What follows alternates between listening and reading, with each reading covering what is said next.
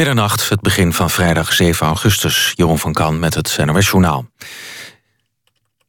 Frankrijk gaat de zoekactie naar wrakstukken van vlucht MH370 uitbreiden. Het land is van plan om meer materieel in de lucht en op zee in te zetten... bij het tropische eiland Réunion. Dat melden Franse media. Op het eiland in de Indische Oceaan zijn deze week opnieuw brokstukken aangespoeld... die mogelijk afkomstig zijn van het verdwenen MH370-toestel. Er zouden onder meer een deel van een vliegtuigraam... en kussens van vliegtuigstoelen zijn gevonden. De Boeing van Malaysia Airlines met 239 mensen aan boord... verdween in maart vorig jaar. Het toestel was op weg van Kuala Lumpur naar Peking. Bij het aanmeldcentrum van het COA in Ter Apel komt binnenkort een extra opvanglocatie. Het gaat om een ruimte waar nieuwe asielzoekers de tijd tot hun registratie door het COA kunnen overbruggen. De Nederlandse asielzoekerscentra zitten overvol. Daarom is er bij het aanmeldcentrum in Ter Apel een achterstand ontstaan. Het Afghaanse leger en de politie verliezen per maand zo'n 4000 man. Het merendeel vanwege desertie. Dat zegt de Amerikaanse generaal die verantwoordelijk is voor de NAVO-missie... die Afghaanse militairen en agenten traint. Belangrijkste oorzaak zijn de slechte organisatie, het gebrek aan training... en de soms jarenlange missies die ze moeten uitvoeren. In de Europa League is Vitesse uitgeschakeld. De Arnhemmers verloren thuis in de derde voorronde met 2-0 van Southampton... nadat ze vorige week in Engeland ook al hadden verloren. De wedstrijd werd vooraf ontsierd door rellen in de binnenstad van Arnhem. Zo'n 60 mensen werden opgepakt. En vanavond speelde ook AZ in de voorronde van de Europa League. De Alkmaarders plaatsen zich wel voor de vierde en laatste voorronde... door ook de tweede wedstrijd tegen het Turkse Barsakse hier te winnen. Het werd in Istanbul 2-1. Het weer. Vanavond kan er in het zuidoosten een onweersbui ontstaan. In de rest van het land blijft het droog en zijn er opklaringen. Morgen begint de dag met vrij veel zon. Maar in de loop van de middag en de avond is er kans op flinke onweersbuien. Het wordt dan 22 tot 28 graden. Dit was het NOS Journaal. NPO Radio 1. VPRO. Nooit meer slapen.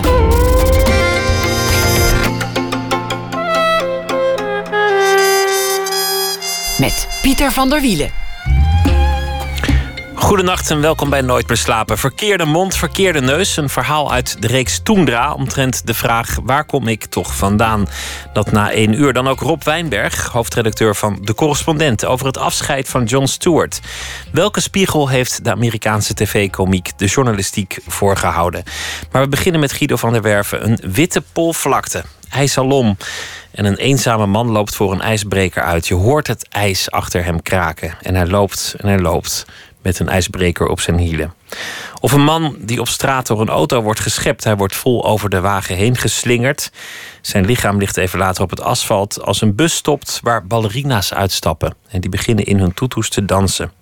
De eenzame man, dat is Guido zelf. En de handelingen, die zijn daadwerkelijk gebeurd. Hij maakt foto's, films, performances en componeert daar ook muziek bij. Werd er wereldberoemd mee, won uh, vele prijzen. Zijn werken zijn uh, vertoond in musea over de hele wereld en in beroemde galeries. Onder meer in het uh, MoMA in New York en het Stedelijk Museum in Amsterdam. En hij wordt gerekend tot het handjevol werkelijk internationaal toonaangevende kunstenaars dat Nederland rijk is. Geboren in 1977, opgegroeid in Papendrecht en woont momenteel afwisselend in Finland en Berlijn. Welkom Guido van der Werven. Dankjewel. Straks gaan we luisteren naar een, naar een stuk van Chopin. Want, want uh, Chopin is belangrijk voor jou, mm -hmm. Frederik Chopin. Weet je nog wanneer je dat voor, voor het eerst hoorde? Is dat aan een moment te koppelen? Um, nee, dat kan ik me niet heel precies meer herinneren. Ik was wel vrij jong, denk ik. Het was Hoe jong? Ons... Nou, mijn moeder, mijn vader luisterde meer naar jazz, mijn moeder luisterde meer naar klassiek. Um, en ik speel van jongs af aan piano. En ik weet wel dat ik intuïtief eigenlijk altijd wel Chopin wilde spelen. Want ik moest van mijn pianoleraars ook Mozart en Bach spelen en Beethoven en dat soort dingen. Maar Chopin, altijd, dat, dat raakte je het meeste? Uh, ja, het was altijd een rel. Uh, want het is niet goed waarschijnlijk als je alleen maar Chopin speelt. Maar... Maar wanneer, ja, wanneer God dat precies was, dat, dat was waarschijnlijk een jaar of zeven, acht of zo, denk ik dan. Waarom, waarom Chopin? Waarom, waarom sprak dat meteen zo aan? Um, ik denk dat, dat hij er eigenlijk als, uh, als een van de weinigen in slaagt om um, op zo'n simpele manier, zeg maar, hele overtuigende muziek te schrijven. Hè, waar je niet. Ik vraag me eigenlijk nooit af waarom die noot op die plaats staat. En ik denk dat zijn muziek uh, is ook heel virtuoos. Ook vaak moeilijk om te spelen. Maar uh, het is ook muziek die ik als kind van een jaar of zes, zeven al snapte, zeg maar.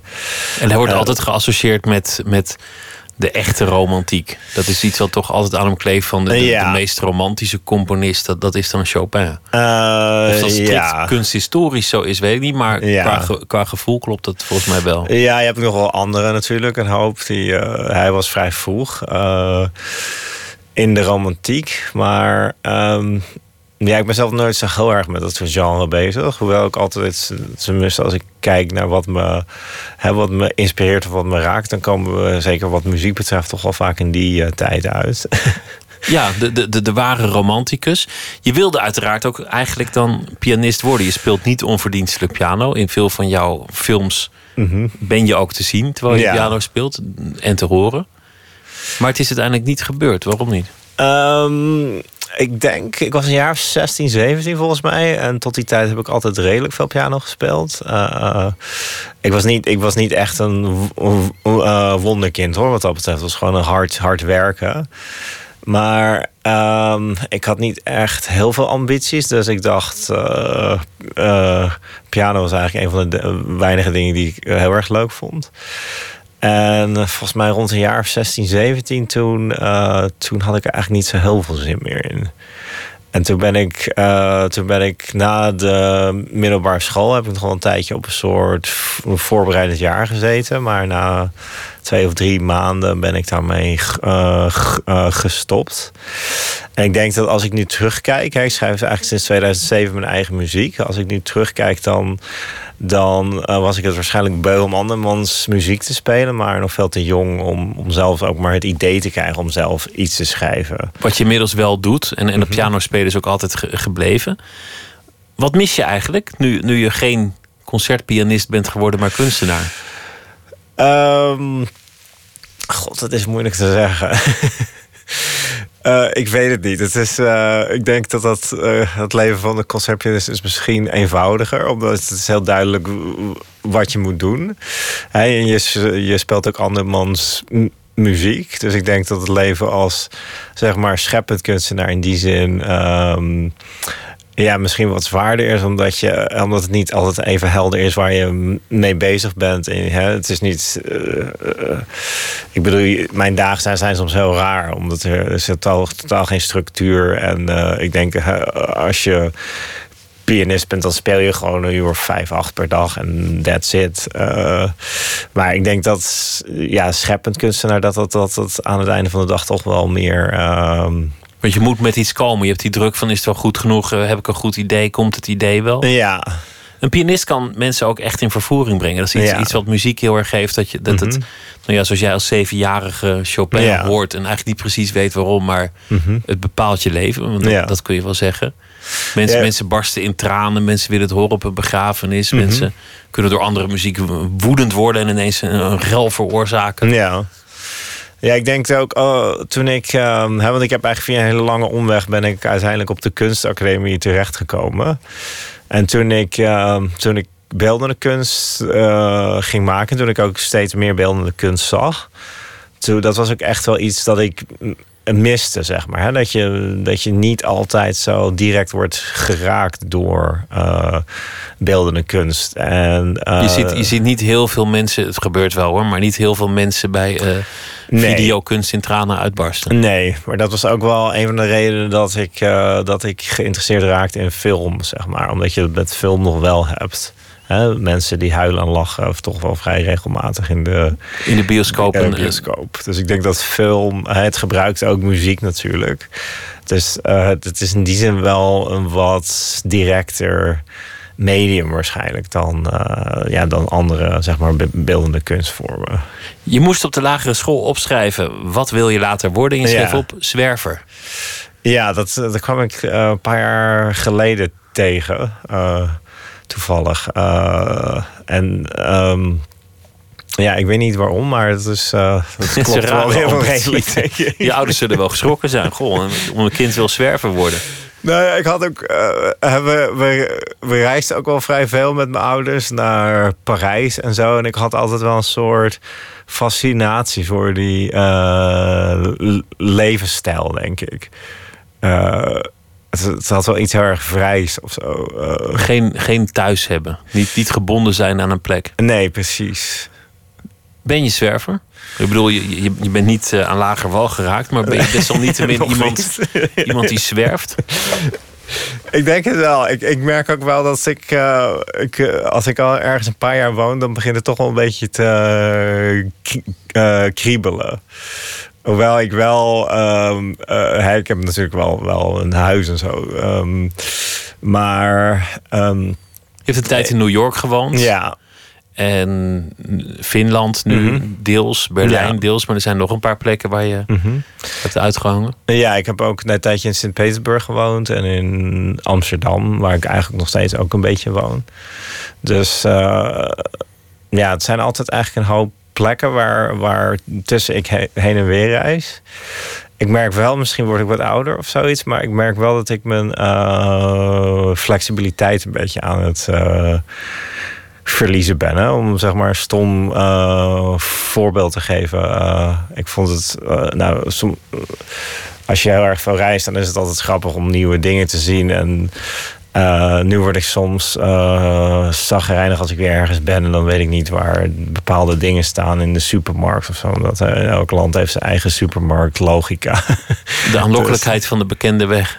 Ja. Ja, ik denk misschien heeft dat, of dat is waarschijnlijk ook wel iets wat je moet, waar je tegen moet vechten als je ouder wordt, dat je toch je flexibiliteit kwijtraakt. Maar ehm, ik merk dat eh, hey, je geeft al, al dat reizen, dat, je geeft ook wel een hoop comfort uit handen. En dat, eh, ja, dat, ehm, ik he- hecht er steeds meer waarde aan nu. Dus, eh, Chopin had, had eigenlijk ook altijd een gebrek aan een, aan een huis. Want hij, hij woonde en werkte in Parijs. Maar Ja. hij, hij kon niet terug naar zijn, zijn nee. vaderland Polen... waar hij zo Mhm. graag was geweest vanwege de politieke situatie. Ja. Daar is zijn hart ook uiteindelijk begraven. Mhm. De rest ligt eh, op Père Lachaise in Parijs. Daar komen we straks nog over te spreken... Mhm. want het speelt een rol in jouw, De jouw laatste film. werk, in je laatste film. Misschien ook dat het daarom jou aanspreekt. Iemand, iemand die wil zwerven, die, die zich zo aangetrokken voelt tot die muziek. Nou, ik merk wel dat ik. ehm, eh, dat mensen die ik bewonder, die, die, dat zijn wel allemaal een beetje van dat soort eh, types, zeg maar. Net als Bobby. De ontheemde. Ja, net als Bobby Fischer. eh, die schaker. eigenlijk. in ieder geval het tweede deel van zijn leven eigenlijk alleen maar aan het zwerven is geweest. Dus dat, ja, het zijn wel mensen die me intuïtief inderdaad aanspreken, denk ik. Waarschijnlijk. We gaan luisteren naar ehm, een stuk van eh, Chopin, een eh, nocturne, nummer 3 in G mineur. En het is eh, gespeeld door Arthur Rubinstein. Oké.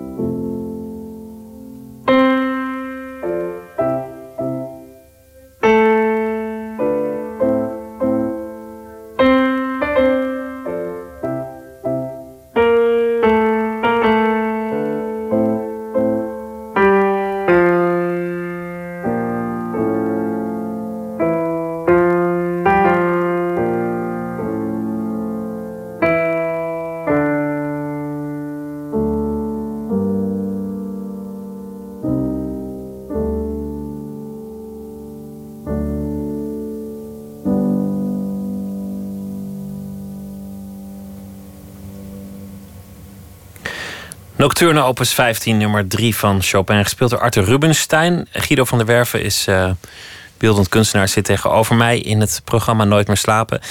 Je laatste film, nummer 14, dat was een, uh, ja, een, een achtdubbele triathlon, zeg maar. Wat was het? 1700 mhm. kilometer fietsen, rennen en uh, zwemmen van, ja. van het hart van Chopin. Want hij heeft uiteindelijk zijn zus opgedragen om, om, het, om het hart dat uit zijn lichaam was gesneden, of, of laten we het maar meteen gerukt maken, dat klinkt wat beter.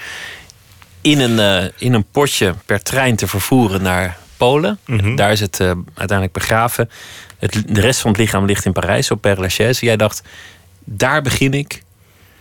Daar, daar zal ik dan in een, in een zwempak een mhm. stuk uitvoeren. En vervolgens ga ik die hele tocht maken. Ja. Van begin tot eind. Ja, het was een, eigenlijk een lang verhaal hoe die film tot stand is gekomen. Um, ik begon eigenlijk vanaf 2009 steeds meer te sporten. En op een gegeven moment nam dat zo'n groot deel van mijn uh, leven in beslag. Dat het, uh, mijn werk en mijn leven, die, dat, loopt elkaar, uh, dat loopt eigenlijk altijd al een beetje door elkaar heen. Dus omdat ik het zoveel deed, was het ook... Um, wel logisch eigenlijk. Dat het ook in mijn, in mijn, in mijn kunst kwam. En je werkt naar voren zou komen dat je, dat je een enorme sporter bent. Gewoon, gewoon een, een keiharde endorfineverslaving, toch? Uh, denk het wel, ja. Dat gewoon, gewoon dat stofje wat vrijkomt terwijl de rest van je lichaam kermt. Ja. Zegt er iets in je brein. Oh, lekker. Nog meer rennen, nog meer fietsen, nog meer zwemmen. Ja, misschien. Ik had nou, ik, ik ben ook. Um ik doe altijd wel dingen redelijk extreem. Uh, en ik had ook wel een paar doelen voor ogen, zeg maar, binnen de sport zelf, die ik, die ik uh, wilde behalen. Dus daardoor uh, ging ik het ook steeds meer doen. En ik denk dat ik ook op een bepaalde manier wel een soort, een soort rust in mijn hoofd nodig had. En ik denk dat hardlopen is een soort meditatie voor actieve mensen.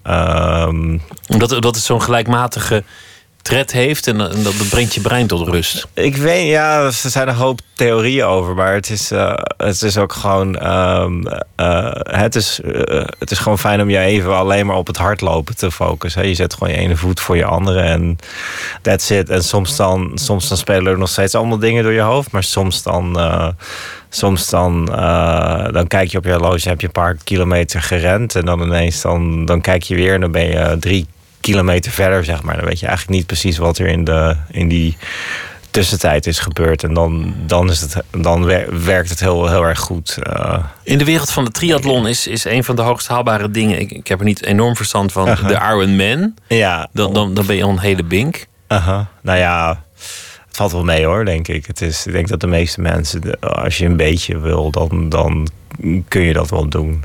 Maar dit, hoeveel van die Iron Man triathlons waren dit, die 1700 kilometer van hart naar lijf? Uh, nou, dit waren er eigenlijk 7,5 achter elkaar. Maar dan niet...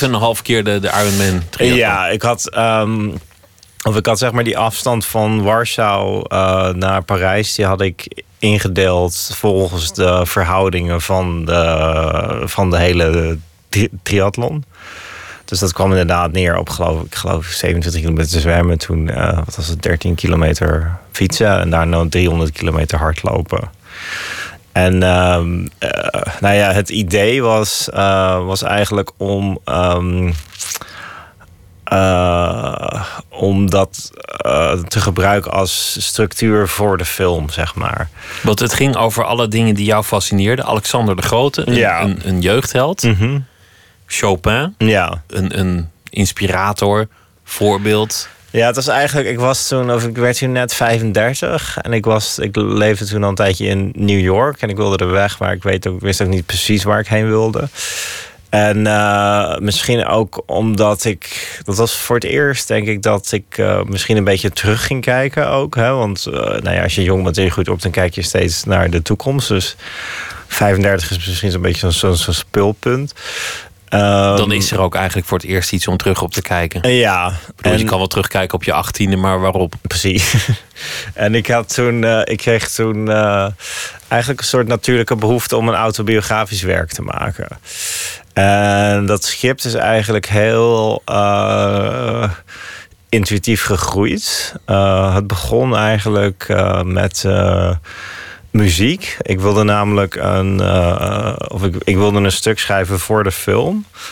En uiteindelijk is dat een requiem geworden in, in twaalf delen. En ik dacht, een, uh, eigenlijk de reden dat ik een requiem wilde kiezen was omdat ik, uh, ik, ik was eigenlijk op zoek naar iets wat me, nee, wat me eigenlijk in staat stelde om die autobiografie te schrijven. Dus ik dacht, een als je een, uh, requiem schrijft, dan reflecteer je ook op een bepaalde manier. Hè? Want het gaat over dood natuurlijk.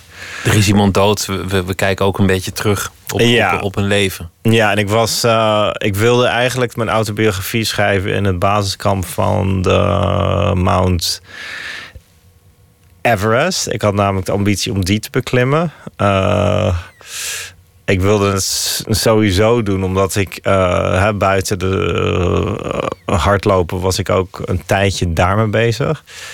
En ik dacht, uh, want voordat je die berg op kan, moet je eerst een maand in het basiskamp zitten om je bloed zeg maar, te laten wennen aan, de, uh, aan, de, uh, aan het feit dat er weinig zuurstof in de lucht zit. Dus ik dacht, het is eigenlijk de ideale plek om een autobiografie te schrijven.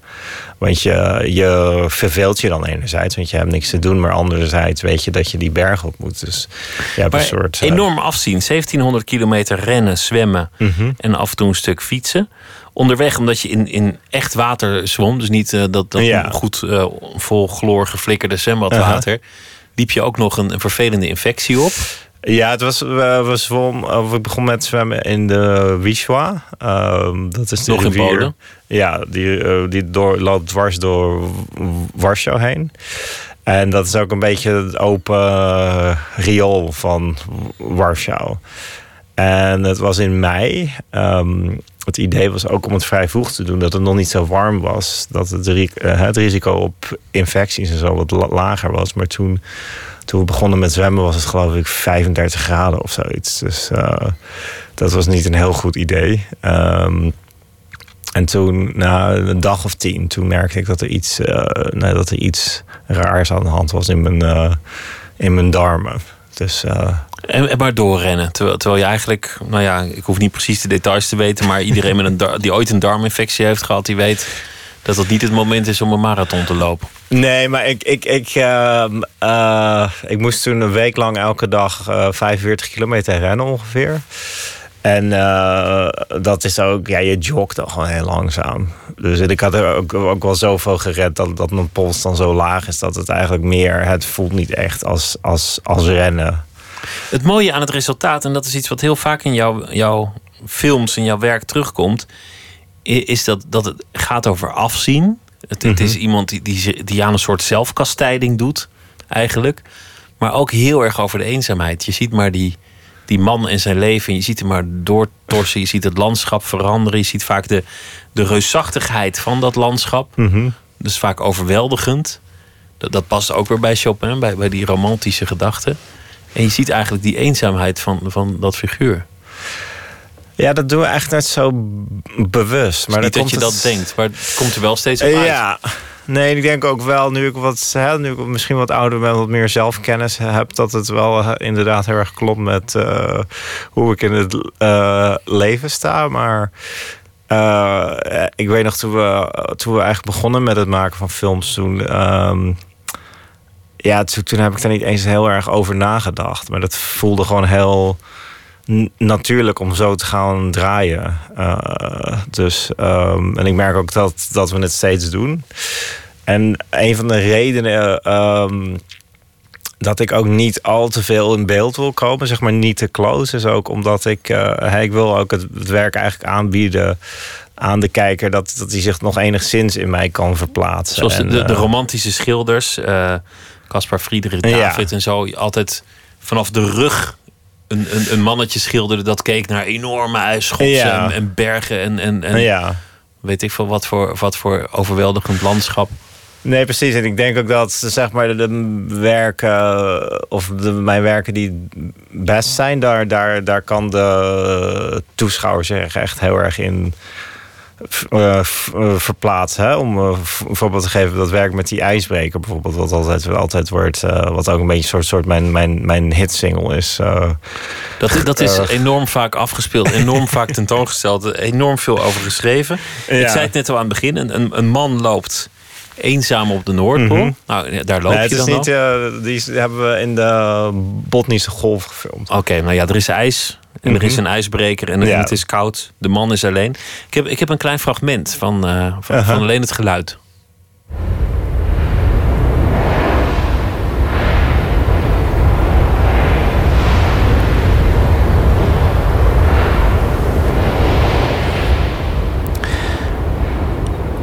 Het is enorm dreigend, hè? Want, want hij loopt op een ondergrond die verdwijnt. Mhm. En hij, hij moet lopen, anders komt die ijsbreker eraan. Ja. Hoe, hoe ontstaat zo'n zo'n werk? Hoe ontstaat al het idee van, goh, een ijsbreker, dat, dat is een leuk idee? Um, nou, ik ben, ik ben in die zin niet echt een studiokunstenaar. Of ik, ik ga nooit zo ochtends zitten met een leeg vel papier of zo en bedenken uh, uh, wat ik wil gaan doen. Maar ik, ik, ik probeer meer een soort basis uh, gemoedstoestand in mijn achterhoofd te hebben, zeg maar. Uh, en dan uh, eigenlijk hopen dat er, dat er op een gegeven moment iets langskomt wat ik dan opmerk. en in dit geval was ik toevallig in Finland. En, we gingen naar een klein eilandje voor Helsinki in de winter op een kleine ijsbreker. En toen hing ik over, over de boeg en ik zag hoe dat ijs brak. En toen, toen, ja, toen, was ik, toen liep ik waarschijnlijk al misschien al een jaar rond met dat idee. Hè, dat is een vrij abstract idee. Maar toen uh, realiseerde ik me dat die uh, metafoor eigenlijk, hè, dat, er, uh, dat, dat, dat, dat ik dan of iemand voor een ijsbreker uitloop, dat dat eigenlijk heel goed um, aansluit bij, bij die sfeer die ik zeg maar wilde vertellen. Maar aan de andere kant ook dat het zo'n open werk oplevert. Dat, dat inderdaad, wat ik net zei, dat mensen zich daar uh, ook in zouden kunnen verplaatsen. Maar het is levensgevaarlijk. Ik bedoel, je, je weet niet precies hoe het ijs gaat scheuren. Ja. Als daar een ijsbreker aankomt. Mm -hmm. Nou wil ik best geloven dat de afstand eigenlijk iets groter was dan die, dan die lijkt op film. Nee, dat was niet zo. Nee? Nou, het probleem was, we hadden uh, de camera... Want ik wilde een soort uh, continue uh, beweging hebben. Dus we, we hadden de camera zeg maar op een sneeuwscooter neergezet. op een soort... met een soort constructie dat die heel erg stabiel hing. Maar het trilde nog redelijk veel. Uh, zeg maar, en als je, als je die truc uit wilt halen in film, dan moet je een uh, telelens gebruiken. Hè? Dan lijkt de achtergrond dichter bij de voorgrond.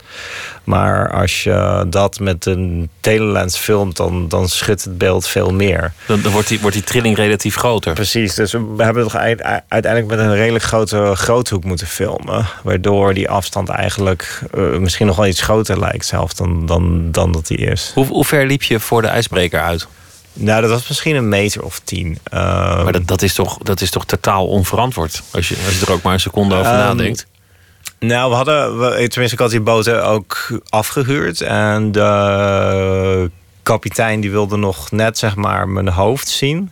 Ja, dus het is een soort um, dode hoek eigenlijk. Hè? Hij kijkt over, over de boeg heen. Uh, vanaf de brug. Dus hij wilde niet dat ik in die, in die ja, in die. Uh, dat, hij, dat hij echt over je heen zou varen? Ja, precies. En hij wilde me wel kunnen blijven zien. Maar wat had kunnen gebeuren is natuurlijk dat het ijs verder scheurt. Ja. Door, door de wrijving van die boot. Ik bedoel niet dat ik nou ijsbrekerspecialist ben, maar. maar het lijkt me vrij voorstelbaar dat, dat er op een gegeven moment een iets grotere schots ontstaat en jij in dat koude water flikkert. Het viel op zich al mee. Ook de manier waarop, ze, waarop hij het ijs breekt, is met name door gewicht. Dus wat er gebeurt is dat die, uh, de boot die, die vaart eigenlijk op het ijs en die zakt er doorheen. Dus hij, hij bijt het eigenlijk weg. Dus jij vond het zelf niet zo gevaarlijk als het lijkt? Uh, Nee, het viel denk ik wel mee. Je had wel af en toe dat er een soort. Uh, hè, dat het ijs inderdaad brak. Uh, ook waar ik, ik liep, of dat er een scheur kwam. Maar dat ging dan zo langzaam uit elkaar dat je er nog prima zeg maar, overheen kon stappen eigenlijk. Je noemde het een van je greatest hits net, je, je, ja. je, hitsingle. Er is enorm veel over geschreven. Dat, dat het ook zou gaan over, over klimaatverandering. De, de mensheid zou symboliseren. Dat gaat over de eenzaamheid van, van de mhm. mensen op de vlucht voor het noodlot. Ja. Dat hem zal inhalen. Dat die ijsbreker de dood symboliseert. Allemaal prachtige theorie, maar, maar volgens mij ben jij daar niet zo heel erg mee bezig. Uh, niet op die manier. Niet op uh, metafysische.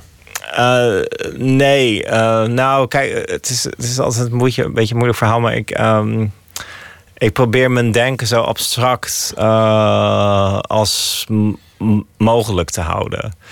Hè? Uh, ik denk ook zodra je zeg maar in taal gaat denken, dan raak je toch een hoop kwijt. Dan kun je net zo goed een essay schrijven. Ja, eigenlijk wel. Dus ik, ik, ik, weet, uh, ik weet altijd wel, nou niet altijd, maar uh, hè, als ik goed bezig ben, dan weet ik heel goed wat ik aan het doen ben, maar ik kan het niet precies verwoorden.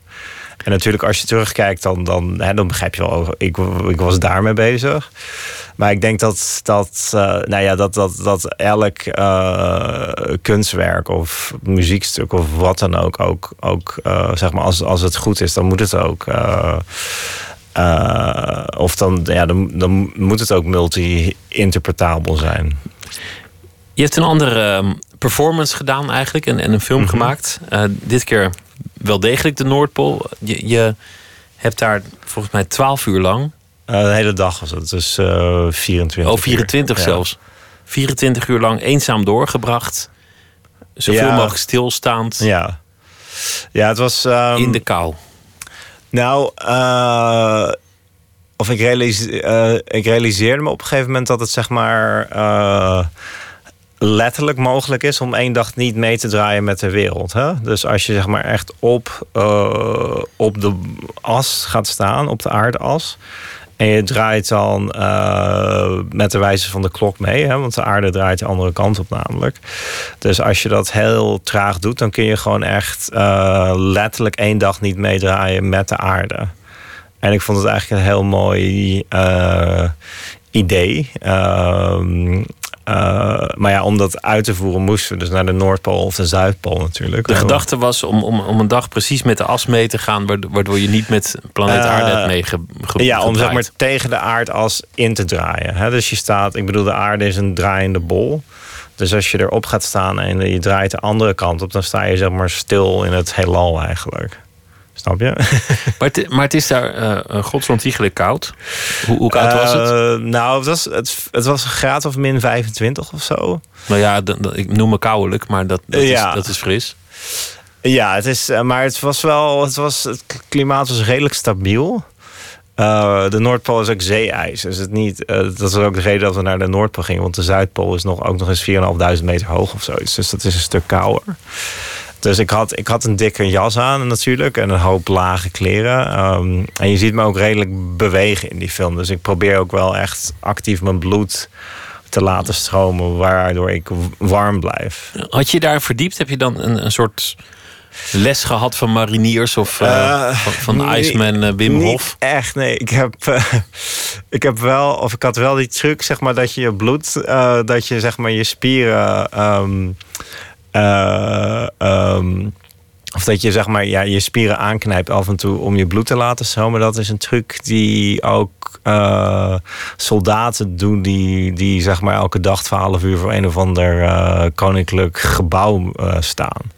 Die, die, die doen, doen dat ook, zeg maar. Omdat af, anders zou je been in slaap vallen of zoiets. Dus daar had ik me wel in verdiept. Maar um, ik dacht ook niet, ja, het heeft ook niet zoveel zin om 12 uur in je kamer te gaan staan, zeg maar. Met het idee dat je dat steeds opbouwt tot 24 uur. Uh, je kunt er niet echt voor oefenen. Nee, dus ik dacht, uh, we kunnen het gewoon beter doen. En dan, uh, het voordeel was, het was, het was vrij lastig om daar te komen op de Noordpool natuurlijk. En ook nog redelijk duur. Dus toen we er eenmaal waren, toen, toen had ik ook weinig excuses meer om, om het zeg maar niet te doen. Ik heb ook een kort fragment um, uit die film. Ik weet, -huh. weet niet of, of het iets doet op de radio. We proberen het gewoon.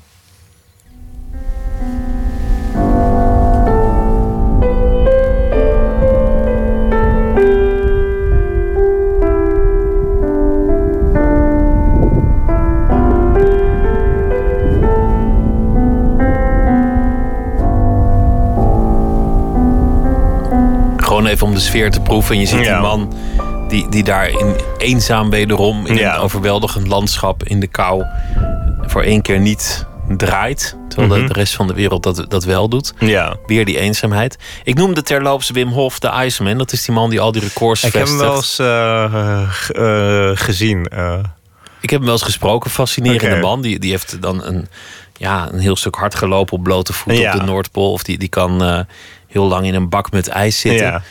Dat soort mensen, hoeveel bewondering je er ook voor kunt hebben... zijn ook een beetje uit op applaus. Op, op, Uh-huh. eh, ja, op, op dat, dat gehalte van... kijk mij nou, het is mij gelukt. Op een Ja. record, op een plek in World Guinness Book of Records... of, of wat dan ook. Uh-huh. Daar gaat het bij jou volgens mij helemaal niet om. Eh, nee, ik ben, nou ja, ik hou wel zelf van een uitdaging en ik zoek ook wel, denk ik, eh, Maar ja, die uitdaging ligt niet in de ander. Niet in de competitie. Nee. Maar ik was ook wel, met name met die laatste film, ook wel een beetje bang. Omdat er heel erg veel sport in zit natuurlijk. Wat in principe niet echt heel gebruikelijk is in kunst. Eh, maar ik denk dat het, het gaat bij mij al, het gaat meer om, om het, eh, ja, om het idee waarom ik dat doe. Of om de sfeer daarachter. Of, eh, Maar het dus- lijden is, is wel een, een noodzakelijkheid om het over te doen komen. Ik, ja, zoals ik net al zei, ik weet niet precies waarom ik het erin doe, maar het zit er altijd in. Hoewel ik heb net weer twee redelijk zware performancefilms gedaan. En toen had ik op een gegeven moment ook wel iets zo, ja, waarom doe ik dit in godsnaam? Dus misschien, misschien zit- dat het ik ander werk ga maken binnenkort. De, de beroemdste performance van, van, van onze tijd, dat was ehm, Abramovic, die in, Ja. in New York eh, heel lang op een stoel zat. De Ja. artist is present en iedereen kon haar de, de, de, de hand schudden of, of een praatje maken. Ja. En had dan één minuut. En daar zat toch ook dat, dat, die zelfkastijding in, omdat ze elke dag daar acht uur moest zitten, niet naar Ja. de wc kon, niet kon eten, niet kon Ja. drinken.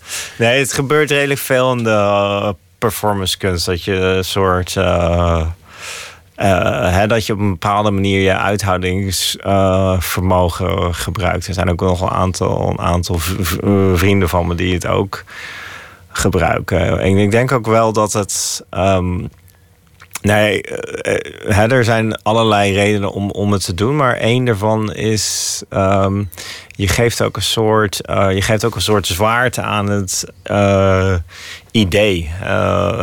Door er echt heel veel tijd in te steken. eh, wordt het volgens mij ook duidelijker voor de toeschouwer dat het hier echt iets om, om iets gaat. Weet je wel? Het is niet een soort grap of zo. Eh, ik bedoel, soms, soms dan kan het uitgangspunt heel stom zijn, maar als je dat maar uren en uren blijft doen, dan focus je er wel een soort aandacht op. Het verschil met, met veel andere performances is dat er bij jou humor in zit, een zekere Mhm. luchtigheid. Vaak zijn die dingen zo verdomde humorloos.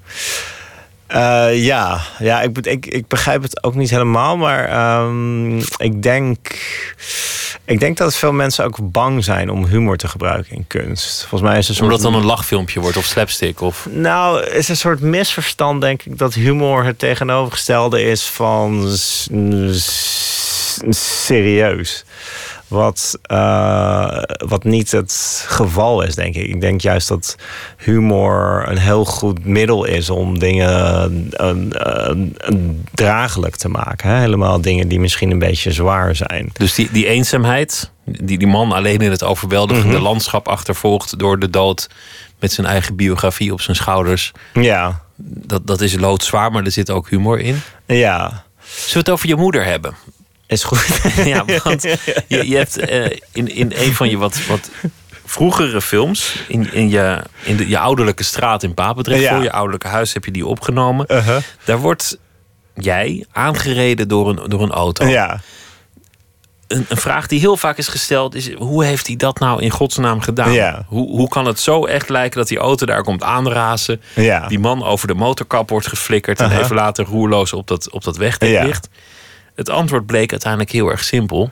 Uh-huh. Je hebt gewoon echt iemand keihard laten aanrijden. Je bent op straat gaan staan en, en over de motorkap geslingerd. ja.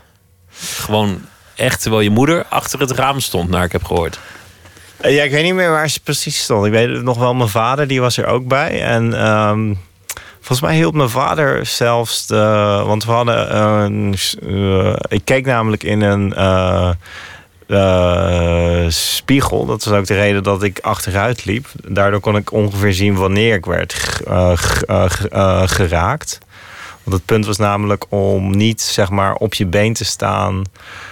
tenminste, om niet je zwaartepunt op het been te hebben waar de auto tegenaan reed. Want Hoe, anders- hoe hard reed de auto precies? Ehm, nou, kilometer 35, 40 of zoiets, denk ik. Nou, vind ik nog best een pittige snelheid ja. om aangereden te worden. Ja, we, hadden het, we, hebben het, eh, we hebben het ook langzaam geoefend. En eh, het, toen hebben we het steeds ietsjes sneller gedaan. En ehm, toen, ik geloof, we drie of vier opnames hebben gemaakt. De eerste keer toen reed hij voor of achter me langs, geloof ik. Toen de tweede keer, toen eh, lukte het wel, maar toen reed hij een beetje te traag. En derde keer, toen, toen was het eigenlijk goed. Ehm, maar het was ook, eh, ik werd ook aangereden door een vriend van me. En eh, ik was na de hand heel erg blij met de opnames, want ze zagen er heel goed uit. Maar die vriend die was, die was zo eh, aangeslagen dat hij, dat hij me keihard had aangereden. Dat hij, Ik zou, het is ook wel een opdracht om, om aan een vriend te vragen: wil je mij even keihard van mijn sokken rijden? Ja, daar hadden we ni- niet echt over nagedacht, denk ik. Wat voor psychologisch letsel hij. maar het is allemaal goed gekomen. hoor. Wat er daarna gebeurt, dat vertelde ik ook al aan het begin van de Uh-huh. uitzending. Man ligt roerloos Ja, op het wegdek. Het, het beeld gaat even op zwart. Er stopt Mhm. een, een ME-busje. Daaruit stappen een aantal ballerina's Mhm. in, in prachtige balletjurkjes en, en eh toetoes en de hele, de hele ratsmadee. ja. En die beginnen prachtig te dansen terwijl de muziek van Corelli Mhm. speelt. Ja. Een heel mooi contrast tussen die man die nog steeds daar eenzaam ligt. Is het zijn redding? Is het de dood? Of is het gewoon dansen op iemands leed? Dat, het, je hoeft het niet eens uit te leggen, maar Nee, dat nou soort ja. vragen roept het op. Ja, dit is ook een goed voorbeeld misschien om uit te leggen hoe ik werk. Maar toen, ehm, ik, eh, zeg maar, toen ik op de Rietveld zat, toen studeerde ik ook een tijdje eh, eh, ehm, Russisch. En ik deed een soort uitwisseling toen eh, met de Staatsuniversiteit in Sint-Petersburg. Dus ik woonde er ook een half jaar. En ik was toen, eh, want dit, dit was mijn eind, eindexamenfilm namelijk op de eh, Rietveld. En ik was daar, hè, ik was daar om, om, om de taal te leren, maar ook om na te denken over mijn, over mijn eindexamenwerk. En ehm, ik woonde zeg maar in, de, in een campus buiten eh, de, de stad. Echt aan zo'n eh, ja, ja, aan een snelweg met tien banen of zoiets. En ehm, er waren geloof ik een paar bruggen die je als... eh, die je, zeg maar, als je niet met de auto ging en je moest naar de andere kant van de snelweg, dan moest je, moest je een brug overlopen.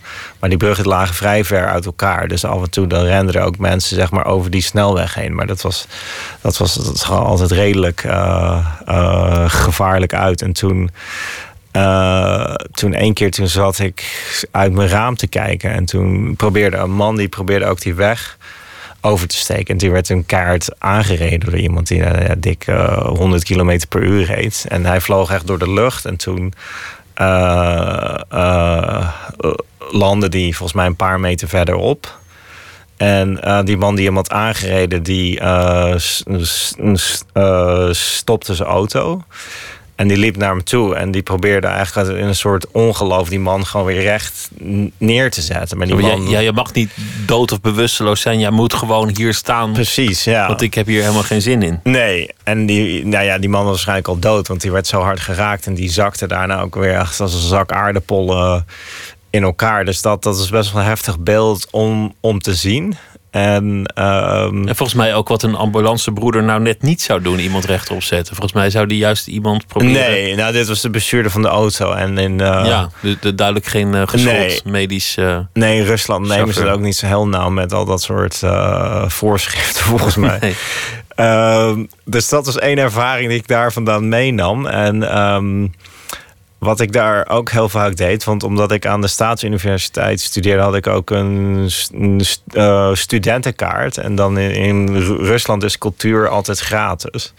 Dus we zaten elke avond gingen we naar, hè, we gingen naar een ballet of eh, een of ander opera of een concert. En Sint-Petersburg hangt nog heel erg in de 19e eeuw. Dus het waren met name echt van die onwijs oudbollige dingen die, eh, die we zagen. Dat was eigenlijk ook heel erg leuk.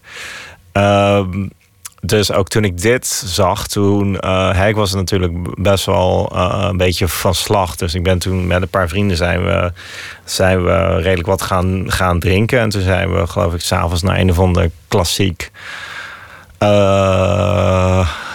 ballet gaan kijken. En nou ja, die twee dingen hè, die eigenlijk op die dag gebeurden. Net als wat ik net zei met die ijsbreker. Dat, dat, dat vat eigenlijk op zo'n goede en open manier samen. Waar ik uh, in die tijd zeg maar abstract over aan het nadenken was. Dat dat Iets wat ook vaker terugkomt. Het, het een gebeurt in het hoofd, het ander gebeurt om ja. je heen. Dus jij zit in die zaal en natuurlijk heb je nog dat beeld van dat ongeluk. Precies, ja. Voor het netvlies, omdat, ja. omdat het zo'n heftige gebeurtenis is. Je, je ouderlijk huis in Papendrecht, waar, waar je mm -hmm. deze filmde, daar ben je een keer teruggekeerd om als het ware het huis op te blazen en brandend ja. uit het raam gelanceerd te worden.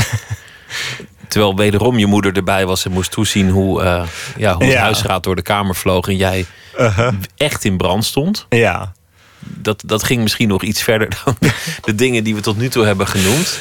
Ja, hoewel het was wel, uh, het was wel onder, allemaal onder supervisie van een stuntteam. Dus, uh, Ook wel redelijk veilig. Maar heb je, heb je daar zo'n vervelende tijd gehad in Papendrecht? Nee, maar dit, waren, um, hè, dat was, dit gaat nu over die autobiografische film. Dus één lijn, eigenlijk één verhaallijn.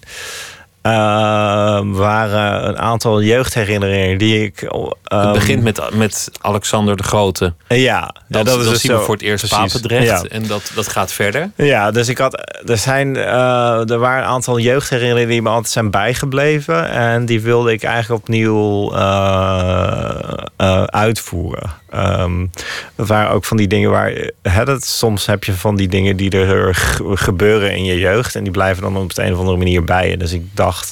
Of ik vertrouwde er eigenlijk in dat ze wel waarschijnlijk iets zouden betekenen. Juist omdat ik ze ook onthouden had. En toen ik een jaar of tien was, toen heb ik ook uh, echt een, een bom uh, gemaakt. En die had ik toen heel trots meegenomen naar het schoolplein. En die is toen, s ochtends vroeg, is die, zeg maar, heb ik die afgestoken. Maar die on, ontplofte ook toen ik ernaast zat. Dus ik was er, het viel allemaal wel mee hoor. Ik heb er eigenlijk niks aan overgehouden. Maar. Uh, en hoe had je dan een bom gemaakt? Gewoon van het vuurwerkpakket van je vader? Of? Nee, ik had, ik had geloof ik uh, allemaal zwavel van, uh, van lucifers afgehaald en nog wat chemicaliën uit het keukenkastje en zo. Ik was altijd een beetje aan het kloten met. Explosieven. Met, ja. ja. wie niet? Dat hoort bij jong zijn, hè? Alles opblazen. Nee, dus dat, dat was eigenlijk één, één ding. En. Um, ja, er, er, komen dus drie of vier jeugdherinneringen terug in die film. Die ik dus eigenlijk opnieuw weer, weer, weer speel. Maar dan nu als een, uh, als een soort uh, ja, volwassene. Alexander de Grote hebben we genoemd, Chopin mm -hmm. hebben we genoemd. Uh, je, je, vader had eigenlijk ook artistieke ambities. Mm -hmm. Je broer had artistieke ambities. Ja. Het, het, jij was meer van de muziek. Jouw, mm -hmm. jouw hoop was om uiteindelijk een, een pianoconcert ja. te spelen en iedereen in vervoering te brengen. Ja, mijn vader en mijn broer die zijn allebei, of tenminste, mijn, uh, mijn vader die heeft ook op de kunstacademie gezeten, maar die is uiteindelijk, uiteindelijk tekenleraar geworden. Hij schilderde altijd nog wel, maar meer voor de lol. Het is hem niet echt gelukt om die, om die grote droom te verwezenlijken. Ik weet niet of het zijn droom was, eerlijk gezegd. Uh, ik, ik, uh, ik denk dat hij liever gewoon een, uh, een leven had wat wat gestructureerder was. En ik vond lesgeven ook wel leuk, denk ik. En ik denk dat hij het ook wel eenvoudig vond, of misschien wat uh, fijner vond dat hij gewoon zelf zijn dingen kon doen. Zonder dat hij dat meteen uh, hè, aan de. Hoe noem je dat in het Nederlands? nou ja, aan, aan, de menigte moest laten zien en, en, voorleggen. Ja. En, en, je broer, is die uiteindelijk verder gegaan in, in de, de kunsten? Uh, ja, die heeft, of die heeft op de Willem de Koning gezeten. En die schildert, die maakt installaties. dus die, die is daar nog wel echt, zeg maar, fulltime mee bezig. Maar niet, niet de grote carrière die jij uiteindelijk hebt gekregen. Dat, dat kan haast niet. Uh, nee, nee hij, is, hij is wat minder. Uh, uh, ja, hij heeft, dat is helaas wat, wat, wat minder snel gaan. Dus hij, hij, hij, hij werkt erbij, zeg maar. Zoals heel veel mensen. Precies. Ja. Je, je, vader heeft vrij vroeg Alzheimer mm -hmm. gekregen. Ja. Dat, dat heeft volgens mij ook wel een beetje een wolk over jouw jonge jaren geworpen. Want, want jij was een van de mensen die hem moest verzorgen. Uh, ja, nou ja, ik heb hem niet heel actief verzorgd. Uh, maar hij was ook vrij oud. Hij kreeg mij toen hij 45 was, geloof ik. En ik denk dat hij, hij heeft een aantal hersenbloedingen gekregen toen ik misschien een jaar of 16, 17 was. En daarna is het vrij snel bergafwaarts uh, gegaan. ja, god, je, je denkt er natuurlijk zoiets over, over, overkomt je gewoon. Dus ik, ik, ik ben er nooit zo heel erg mee bezig geweest. Maar hij is nu, hij is eigenlijk twee jaar geleden gestorven. Dus ik denk dat ik nu op een bepaalde manier uh, aan het verwerken ben. Want uh, het was ook wel snel, want eigenlijk. Uh, ja, toen ik eigenlijk doorbrak in de kunstwereld, toen was hij eigenlijk al zo ver weg dat hij dat allemaal niet meer heeft meegemaakt. Dus dat is, uh, ja, dat is ja, als, als jongetje wil je toch natuurlijk je vader trots maken, zeker als je hetzelfde doet. Uh, en als het ook altijd een beetje een onderwerp van discussie was, van de beeldende kunst ja, of de muziek. Ja, nee, dus dat, uh, dat, dat heeft hij helaas niet, niet meegekregen. Mee in ieder geval niet op een uh, ja, ik bedoel, je weet niet wat, wat er Nee, maar je zei eerder dat je, uh, dat je ineens meer terugkijkt en, en meer ja. omkijkt. En dan ook zo'n requiem wat erbij komt. Mm -hmm. en, en die jeugd die ineens in je werk naar voren ja. komt. Dat, dat, heeft dat ermee te maken? Nou, toen, uh, want hij is in 2013 overleden. Dus ik had die film een jaar daarvoor gemaakt. Um, maar ik denk wel dat op een bepaalde manier ja, ik bedoel, je hebt heel veel mensen die zijn op jonge leeftijd hun, hun ouders al kwijt natuurlijk. Maar ik, ik denk wel, ik bedoel, ik ben nu 38, dus nog niet zo oud. Maar ik heb eigenlijk alleen nog mijn moeder nog, zeg maar. Mijn opa en oma's zijn ook uh, dood en mijn vader is dood. Dus ik, het is wel raar dat er, dat er niemand meer tussen zit. Hè? Uh, de volgende generatie, dat, dat is dan bijna de jouwe. Ja. Precies, ja. Dus ik, uh, ik bedoel, hopelijk leef ik nog een aantal jaar. Maar het zou het, mooi zijn, ja. Ja, het is wel... Uh, ik merk... Ik bedoel, dat daardoor sta je misschien toch net iets uh, anders in het leven... dan iemand van dezelfde leeftijd... die, nou ja, misschien zijn, zijn overgrootouders nog heeft of zoiets. Wat natuurlijk ook nog wel kan. Je opereert internationaal. Je, je werkt met de beste galeries, de grootste musea. Je staat in, in de allermooiste tijdschriften. je, je wordt erkend door nou ja, de meest toonaangevende conservatoren en kunsthistorici ter wereld. En een van de dingen die je met, met je leven en alles wat je hebt lijkt te willen verdedigen, is je autonomie. Dat je, je zult niet heel graag in, in opdracht werken. Je, je hebt er een hekel aan als een conservator zegt wat je moet gaan doen. Ja. Je, je, je laat je niet sturen en, en je wil eigenlijk ook jezelf lijkt het een beetje afzonderen. In de natuur, op je fiets, ja. in je zwempak. Ja, dat is. Um, hè, toen ik ook in New York woonde, ik merkte daar, je wordt zo geleefd eigenlijk. Uh, ook door de stad zelf al? Ja, maar ook door de kunstwereld met name. Hè. De New Yorkse kunstwereld is zo intens. En um, ja, ik denk, het heeft er ook misschien mee te maken wat je goed vindt. Maar ik, ik, uh, ik ben toch altijd meer fan geweest van mensen die gewoon echt helemaal hun eigen, hun eigen weg uh, ma maakten. En die. Die autonoom bleven. ja. Ja, en ik denk, hè, nou ja, ik ben natuurlijk heel blij dat het allemaal zo goed gaat. Maar ik, ik denk ook dat je op een gegeven moment ook gewoon uh, ja, een beetje moet afzonderen. Anders dan. Dan, dan, dan, dan kun je ook niet meer vrij werk maken. Ik ben nu ook al, tenminste elke keer als ik dan weer een nieuwe show heb, dan, dan uh, het is toch op, op een bepaalde manier anders dan dat je gewoon werk maakt waar uh, waarschijnlijk niemand naar kijkt, zeg maar. He, ik, je voelt toch een soort druk. Uh, Omdat dat, dat nu is echt wel een gebeurtenis als, als Guido van der Werven met een, met een nieuwe film komt of, of, een, of een nieuw stuk. Ja, nou kijk, de kunstwereld is natuurlijk ook best wel kleinschalig. Maar binnen de kunstwereld zit, zitten de mensen wel op te wachten. En dat is misschien ook wel het nadeel van film, dat je er niet echt heel erg mee kunt. Hey, je kunt weinig schetsen, zeg maar.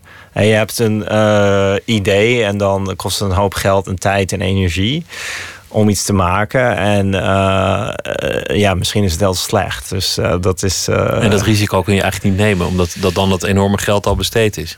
Nee, je kunt het wel nemen, maar het is, uh, uh, ik mis af en toe wel binnen de film dat je, dat, je, dat je een soort schets kan maken, zeg maar. Het lijkt me heel fijn als je schildert of zo, dat je ook 90% van je werk kunt, kunt weggooien. En met een film moet het elke keer eigenlijk weer raak zijn. Of je, ja, of je raakt een hoop uh, geld en tijd kwijt.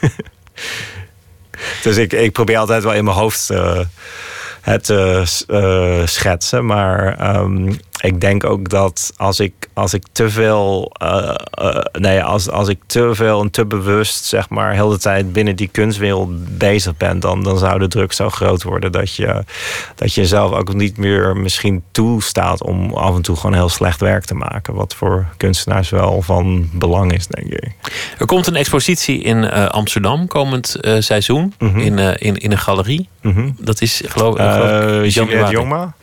Januari was geloof ik. Uh, februari volgens mij, ja. ja.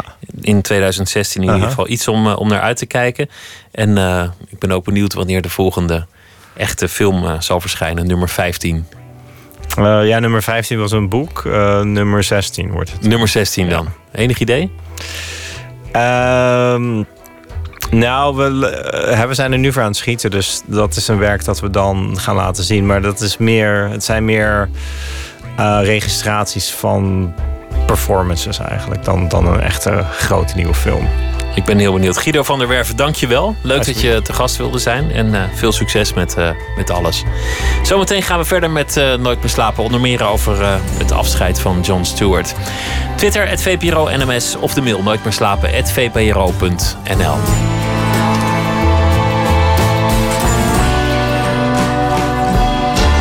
Op Radio 1. Het nieuws van alle kanten.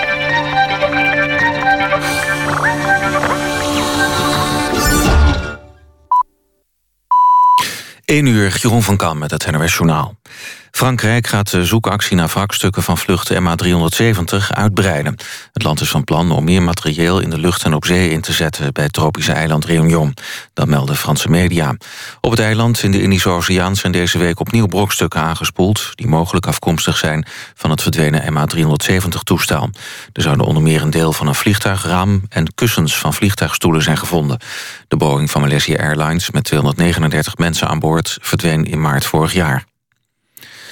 De familie van het meisje dat slachtoffer werd in de Valkenburgse zedenzaak... is niet te spreken over de spijtbetuiging die het OM vandaag deed.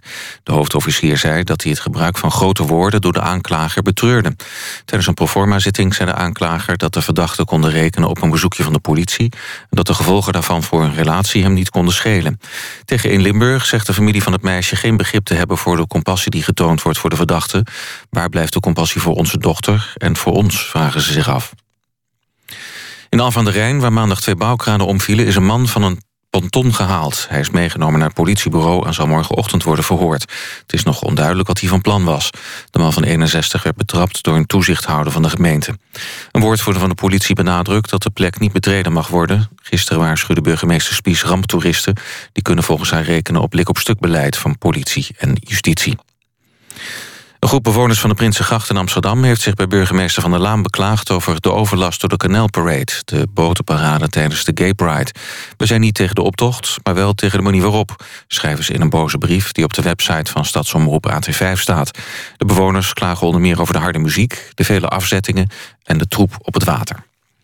Het weer. Morgen begint de dag met vrij veel zon... maar in de loop van de middag en avond is er kans op flinke onweersbuien. Het wordt dan 22 tot 28 graden. Dit was het NOS Journaal. NPO Radio 1. VPRO. Nooit meer slapen.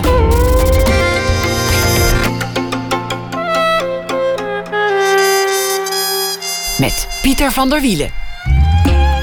U luistert naar Nooit meer slapen. Straks een reportage over de kunstinstallaties van Mac de Nijs. Aandacht ook voor het vertrek van de Amerikaanse talkshow-host Jon Stewart... met filosoof Rob Wijnberg. Maar allereerst Rutger Lem. Hij is uh, schrijver, journalist, stand-up comedian geweest. En deze week zal hij elke nacht een verhaal voordragen over de voorbije dag.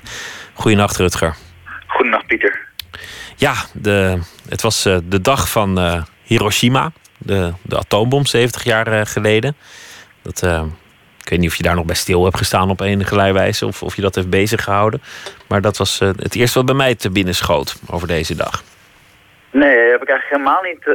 Uh, helemaal niet bij stilgestaan. Ja, het is ook maar een getal, 70 jaar. Maar het is. Ik, vond, ik vond het zo'n rare gedachte. Je, je gooit een bom ergens, uh, dan gaan een miljoen mensen dood. En ja, dan is eigenlijk niemand ooit gestraft of excuses voor aangeboden of een onderzoek of het nou wel nodig was. Mensen hebben gewoon een lintje gekregen en eigenlijk gaat alles gewoon verder. Ik bedoel, het is ja. alweer een beetje gewoon geworden dat het ooit gebeurd is, toch?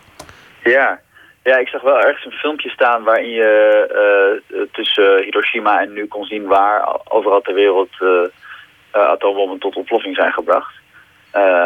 en dat dat toch wel vaker is gebeurd dan je, dan je misschien wel wil, wil herinneren.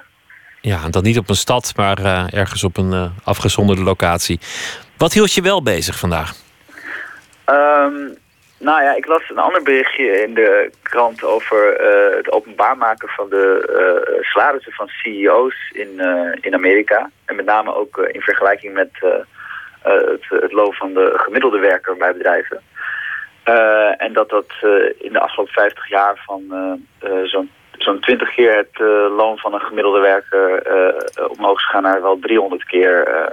dat de CEO wel 300 keer meer verdient inmiddels. Um, en uh, over die inkomensongelijkheid heb ik een verhaaltje geschreven. Ik ben benieuwd. Ga je gang. Ik heb het dit keer maar ook een titel gegeven. Het heet uh, Noord-Zuid. Ik heb met mijn redacteur op een terras in Amsterdam-Zuid afgesproken om over mijn nieuwe boek te praten. Mijn ideeën zijn nog niet concreet genoeg, dus probeer ik de zakelijke kant van ons gesprek zo lang mogelijk uit te stellen door hem allerlei vragen te stellen. Interesse in de ander om mezelf te kunnen verbergen. Hij vertelt dat hij er eigenlijk ook niet helemaal bij is, omdat iemand gisteren zijn vrouw heeft geslagen. Zijn vrouw en hun twee zoons waren op een camping. Op deze camping bestaat volgens mijn redacteur een duidelijke verdeling tussen Juppen en Jordanezen, die ieder hun eigen wijkje hebben. Hij gebruikt het eufemisme Jordanezen, waar hij eigenlijk tokkies of aso's wil zeggen. Alsof de Jordaan zelf niet ook al lang is overgenomen door de nieuwe rijken. Ik kijk om me heen ons terras wordt louter bevolkt door blanken met een mengeling van genot en verveling op hun gezicht. Ik herinner me dat ik ooit ergens heb gelezen over een diner tussen milieuactivisten en topmannen van het oliebedrijf ExxonMobil. Na afloop zei een van de activisten, het zijn duidelijk attente, slimme, welbespraakte mensen. Ze leven alleen in een compleet andere wereld dan wij. Mijn redacteur vertelt verder. Er reed een auto over de camping, wat eigenlijk niet mag. Zijn zoon liep over het pad en schrok toen de wagen hem van achteren naderde. Maar in plaats van te stoppen gaf het bestuur, bestuurder een beetje extra gas. De vrouw van mijn redacteur pakte geschrokken haar kind op... waarna de auto hard langs haar reed. En toen gaf ze in het voorbijgaan een klap op het dak. Er stapte een man uit, er volgde een woordenwisseling... en toen haalde de man uit. Terwijl ze haar kind nog vasthield, sloeg hij haar met zijn handpalm vol in haar gezicht. Ik woon zelf sinds kort in Amsterdam-Noord... Hier is ook veel spanning tussen de Jordanezen en de Juppen. Ik voel me absoluut geen Jup. Ik ben verdomme een schrijver en ook nog eentje zonder concrete ideeën. Maar toen ik de buren vertelde dat ik met mijn vriendin een reis naar Amerika ging maken, zeiden ze, zie je wel, die hebben geld. Dat ik me voorstelde aan een buurtgenoot, echode een buurvrouw met een blikje bako in haar hand mijn naam. Rutger. Maar toen ik zei, oh, en hoe heet u? Schrok ze en zei ze bijna ondanks zichzelf, Loes, aangenaam kennis te maken.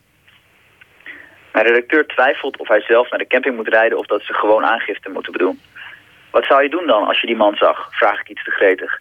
Die hand eraf hakken, zegt hij zonder ironie. Ik knik. Ik begrijp dat hij dit asociale gedrag niet op een beschaafde manier wil oplossen. Wat heeft het voor zin om de regels te volgen als iemand anders een compleet ander spel speelt?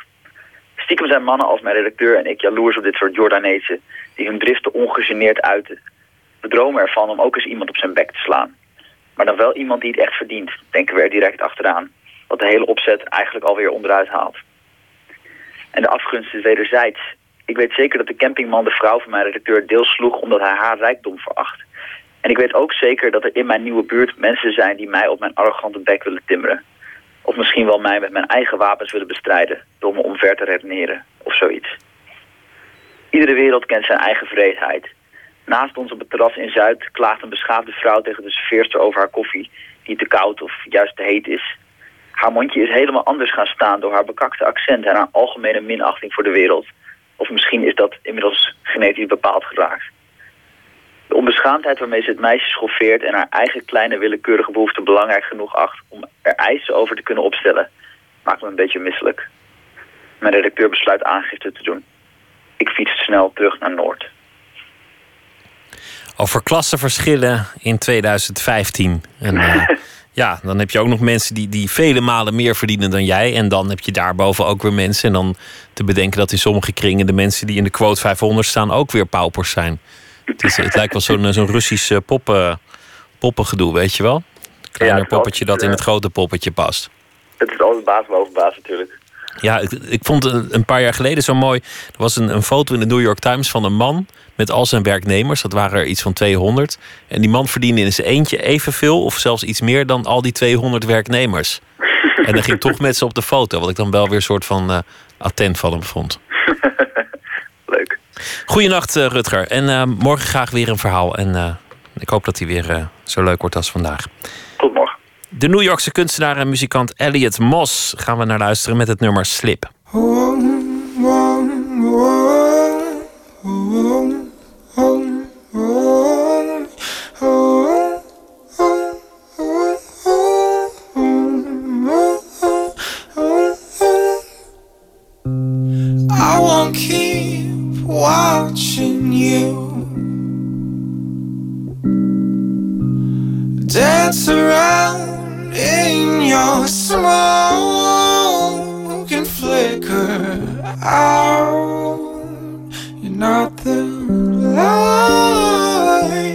I used to know.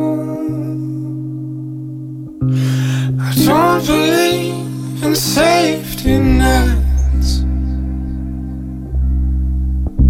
Stronger love make it alright to let go. You gotta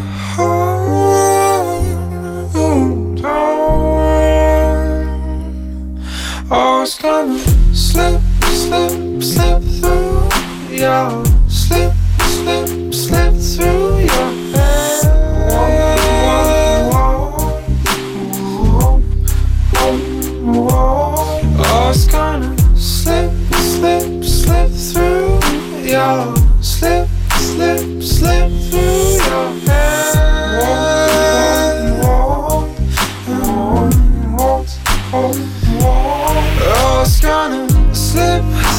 slip, through your slip, slip, slip through your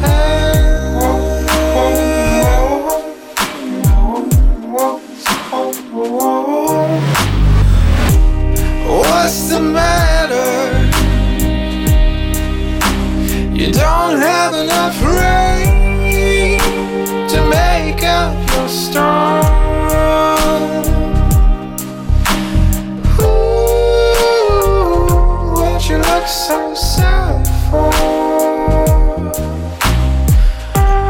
Where's the light I used to know? Oh, oh, it's gonna slip, slip, slip through your slip, slip, slip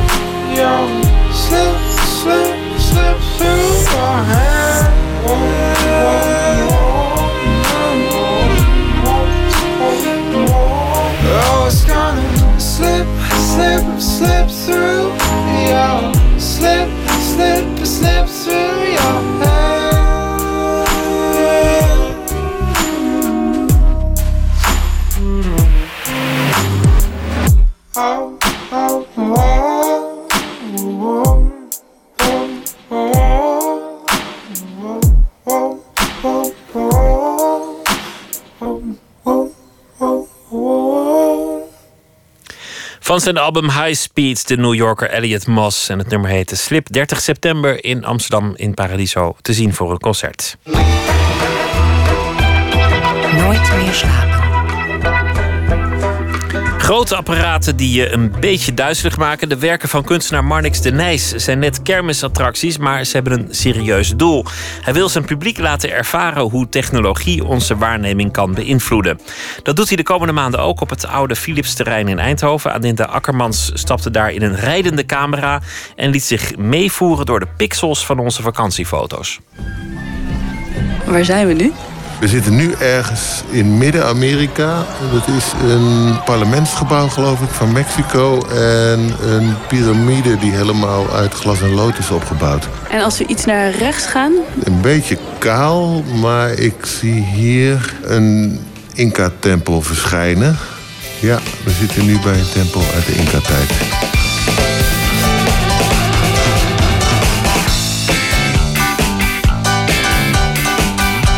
Je hoeft deze zomer niet op vakantie om de highlights van de wereld te zien. Op de tentoonstelling van Marnix de Nijs in het MU in Eindhoven staat een kunstwerk waar je met 3D-bril kan navigeren langs gebouwen van over de hele wereld. Nou ja, de wereld zoals wij toeristen die allemaal fotograferen en bij thuiskomst op internet zetten. We hebben eigenlijk statistiek losgelaten op al die plaatjes eh, in Flickr. En wat eh, hebben eigenlijk bekeken, wat zijn nou de duizend meest gefotografeerde locaties in de wereld? Eh, dan eindig je met tempels, regeringsgebouwen, oorlogsmonumenten. Het zijn natuurlijk de clichés die mensen fotograferen. Ik ga nu langs de Taj Mahal in India, denk ik. En is daar het Colosseum in Rome? Wat je ziet zijn 3D-modellen die geconstrueerd zijn uit foto's. Dat is een vrij ingewikkeld eh, mathematisch proces. Wat gebeurt op de universiteit waar ik mee samenwerk. Eh, we hebben heel veel foto's gedownload van internet. Die gaan vervolgens eh, de computer in. Die gaat ze allemaal vergelijken. En die probeert dan de oorspronkelijke camerastandpunten te bepalen. Het uiteindelijke resultaat is dat al die pixels, al die puntjes van je foto's in een 3D-ruimte, in een XYZ-model geplaatst worden. En dan kan je er dus omheen lopen en wordt het heel ruimtelijk. Door die eh korrelige beelden heeft het iets heel magisch. Je maakt eigenlijk een soort reis door, door de pixels van, eh, van al die foto's die we, die we met z'n allen op de wereld gemaakt hebben. Het zijn eigenlijk flarden van gebouwen. Ze zijn ook niet compleet, omdat natuurlijk niet al die gebouwen helemaal goed gefotografeerd zijn. Ik probeer eigenlijk een soort droomachtige wereld te creëren. Eigenlijk een droom die opgebouwd is uit ons collectieve fotogeheugen. Want wat is nou het meest gefotografeerde gebouw ter wereld? Eh, de meest gefotografeerde plek in de wereld is in Londen en dat is de brug bij het parlementsgebouw. Grappig genoeg zie je dat niet terug in mijn reconstructie van de wereld, omdat eh, het gebied is daar zo groot dat mensen fotograferen dat eh, de details op de foto's te klein zijn en wij kunnen dat, daar niks mee. Die software ziet te weinig detail om dat te kunnen reconstrueren in, in een driedimensionaal model. Je ziet ook heel erg hoe mensen fotograferen. Want eigenlijk fotograferen mensen natuurlijk nooit de achterkant van een gebouw. Eh, de dam zit er ook op. En je ziet dan in die reconstructie alleen maar de, de voorkant. Eh, de façade heeft een relief. Je ziet die deuren. eh, je ziet dat uitbouwtje met die trappen. En je ziet een klein stukje van de zijkant van het gebouw. Maar de achterkant wordt nooit gefotografeerd. Dus die bestaat ook niet in mijn wereld. Hoeveel foto's heb je dan eigenlijk nodig om het paleis op de Dam te kunnen bouwen in deze wereld? Als ik ze zelf maak, heel gecontroleerd... en ik weet precies waar ik ga staan, dan heb je aan 50 foto's genoeg. We hebben er dun per gebouw. Dus in totaal hebben wij, een paar miljoen foto's gedownload. Met dit kunstwerk wil Marnix de Nijs laten zien hoe sociale media ons beeld van de wereld bepalen. Toen hij 20 jaar geleden voor het eerst de computer in huis haalde, vroeg hij zich meteen al af wat de invloed zou gaan zijn op onze waarneming. Toen merkte ik al dat het hele perspectief van die wereld heel erg ging veranderen. En dat je opeens overal ter wereld was. We vinden het nu heel normaal. Uh, dat merk je ook bij, bij, bij jongere kunstenaars die bevragen dat veel minder dan mijn generatie.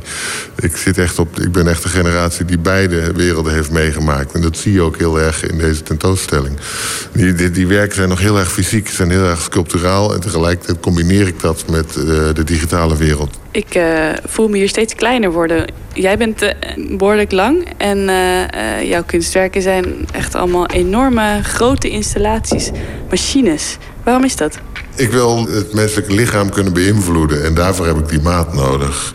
dat is mijn achtergrond als beeldhouwer. Dus dat is al 30 jaar een rode draad in mijn werk eigenlijk, dat fysieke. ik wil heel graag die, die, die, alle sensoren van het menselijk lichaam bespelen. Kwam hier ook tijdens de opbouw van de tentoonstelling. En toen zag ik je rondlopen uh, tussen allemaal machines. Echt bijna zag ik een kleine jongen die met uh, mechanisch uh, Lego aan het spelen is. mechanisch Lego, dat bestond nog helemaal niet toen, toen ik klein was. Maar ik heb wel een fascinatie voor, voor, voor apparaten en dingen maken. Ik heb altijd heel graag dingen gemaakt. Aan fietsjes sleutelen en ik begon wel vrij snel met apparaten, als ze dan kapot waren of niet, uh, open te maken en te kijken wat erin zat. En te proberen te begrijpen en daarmee te werken. Dat zie je nog steeds terug in mijn werk. Er zit heel veel techniek in en uh, dat maak ik ook meestal zelf. Zo'n technisch hoogstandje is het werk dat gaat over perifere waarneming. Alles wat we zien vanuit onze ooghoeken dus. Je stapt als bezoeker in een tunnel. Links en rechts van je twee enorme schermen met bewegende beelden van een stad. Recht voor je is het pikken donker. Je wordt dus gedwongen je perifere blikveld te gebruiken. Dat geeft een vreemd en een beetje onaangenaam gevoel dat ik niet zo goed kan thuisbrengen. En dat is niet zo gek, volgens kunstenaar Marnix de Nijs. Ons perifere waarneming die gaat ook met rassenscheden achteruit. Als je maar lang genoeg dat beeldscherm uh, koekeloert, dan functioneert dat gewoon niet goed meer gewoon medisch technisch. Want, want wat, wat zien we eigenlijk in onze periferie? Je let er onbewust heel erg op. Eh, je detecteert een beweging mee. Het speelt een rol bij je balans, dus bij het lopen, eh, letterlijk. Gewoon eh, het voortbewegen. het speelt een rol bij snelheidsdetectie. En het is een soort early warning systeem. Ehm, we zijn heel erg geprogrammeerd om starende ogen waar te nemen. Er zit daar geen leeuw eh, in het bos die ons gaat opeten. Dat onderdeel van de waarneming dat kunnen we misschien ondertussen wel missen in onze hedendaagse wereld. Maar dingen als balans en voortgang en dat soort dingen. Ehm, dat is toch een beetje sneu dat dat niet zo goed meer werkt. Merk je dat zelf ook? Twintig jaar geleden verdwaalde ik nergens. Ik, uh, ik had een heel goed waarnemingssysteem. Als ik in het bos liep of zo, ik kon altijd feilloos de weg terugvinden. Dat is minder. Je ziet natuurlijk al die Mongolen ook met zijn telefoon op straat lopen, overal tegenop botsen. Dat is het meest letterlijke voorbeeld van wat je mist uh, als je dat perifere gezichtsveld niet gebruikt.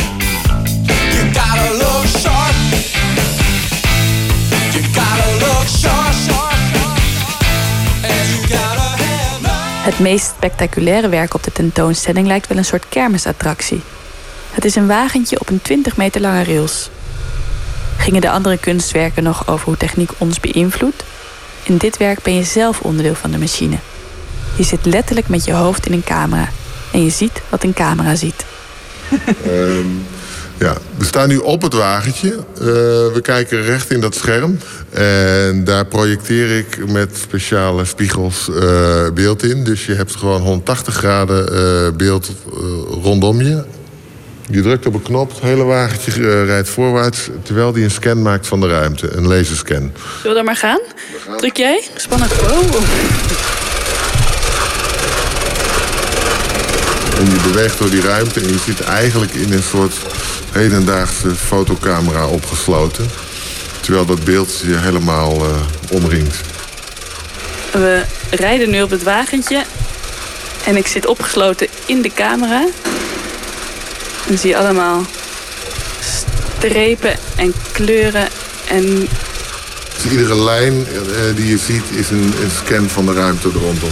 van de pilaren, van de muren. Zie Van je de- trap staan, eh daar nog een trap. Moet even dat we niet botsen of eh, vast komen te zitten. Ik word een beetje wankel. Is dat de bedoeling? Ik creëer een, een zekere mate van onbalans. Eh, je wordt afgesloten van de echte ruimte. Door een grote zwarte lap achter je en dat sferische scherm recht voor je. Fysiek breng ik jouw lichaam in beweging. Eh, visueel zie jij ook een representatie van de beweging. Maar die knip ik een heel klein beetje los. Die loopt net niet helemaal synchroon met jouw fysieke beweging. En eigenlijk door die twee elementen eh, onafhankelijk van elkaar te manipuleren... creëer ik een soort onbalans die, die denk ik heel erg metaforisch is voor de onbalans die, eh, die hedendaagse technologie eh, brengt. En waarom breng jij mensen graag in disbalans? Eh, Mensen in disbalans brengen is een hele goede strategie om mensen uiteindelijk te laten nadenken over wat ze meemaken. Een beetje ontregelen, want ik denk dat dat wel de rol van de kunstenaar is.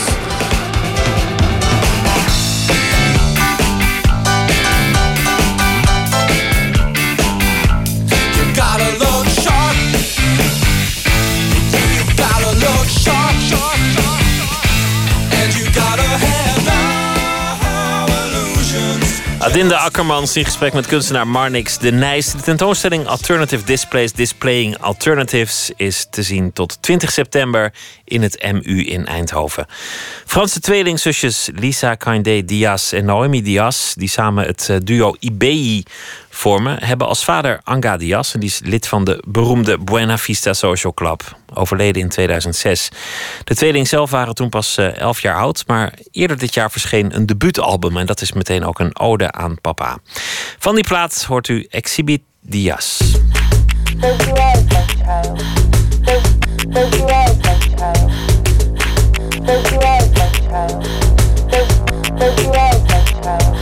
It's frustrating when you just can't express yourself. And it's hard to trust enough to undress yourself. Just stand exposed and naked in a world full of hatred. Where the sick thoughts of mankind control all the sacred. I pause, take a step back, record all the setbacks. Fast forward towards the stars and the jetpack. My feet might fail me, my heart might ail me. The synagogues of Satan might accuse or jail me. I got something to say. Oh, yeah. Yesterday's gone, tomorrow's on the way. That name on that birth certificate, that ain't the real me. That ain't the real. The lies can conceal me. The sunrise and the moon tides and the sky is gonna reveal me. My brain pours water on my tear ducts to heal me. I got something to say.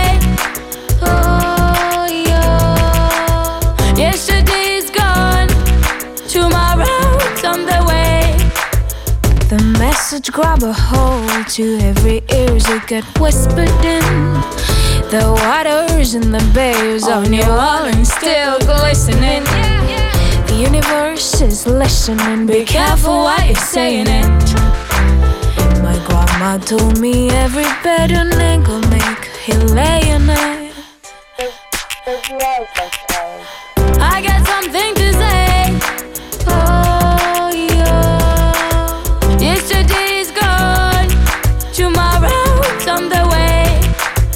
The church, you pray in it. The work is on the outside. Staring out the windows, it's full of songs and housefly. I got something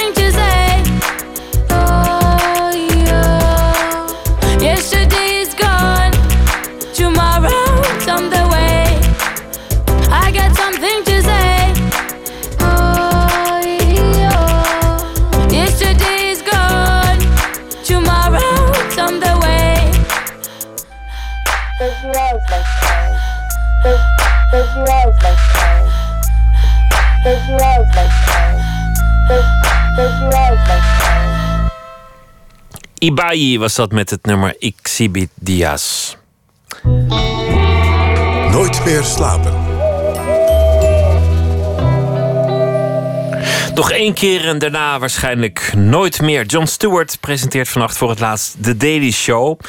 De comedian maakte 17 jaar lang dit eh, programma. Een satirisch programma over de Amerikaanse politiek en media. En hij eh, heeft zowel binnen de Verenigde Staten als daarbuiten... een enorme schare fans opgebouwd. En misschien ook wel de televisie voor goed veranderd. Matthijs Deen, nachtcorrespondent. Ja, jammer, toch? Ja, het is niet zo dat ik het, eh, dat ik het eh, regelmatig keek. Maar eh, ehm, ik ken het vooral van die fragmenten die je dan op YouTube ziet. En die hele eigen stijl van die man. Die enorme explosie van energie. maar ook van scherpe satire. En, en eigenlijk heel inhoudelijk... eh, ja, wat, wat, hij, wat hij naar mijn idee probeerde was... naast allerlei andere dingen ook, probeer, ook ehm, redeneringen doorprikken. Hè? Dus eh, hypocrisie doorprikken op een eh, hele fysieke en ook visuele manier... maar toch heel inhoudelijk. En, en ik heb ook geprobeerd eh, daarna te kijken... en te denken van, nou, misschien moeten we een paar mooie fragmenten laten zien van die Daily Show. Of laten horen. Maar ik, hè, dat is al gelijk de verspreking. Het is heel erg televisie. Ook al is het heel inhoudelijk. Je kan heel moeilijk een fragment vinden... wat ook grappig is om alleen maar naar te luisteren. Je moet die man erbij zien. Maar jouw kennende is het toch gelukt. nou, nou, het is in ieder geval... eh, als je hem hoort, dan herken je... eh, en je hebt het wel eens vaker ge- eh, gehoord... Dan, dan herken je het onmiddellijk. Zijn stijl is er onmiddellijk. Het is al een aantal maanden geleden dat hij aankondigde... dat hij ermee op zou houden. En dat deed hij op een typisch manier.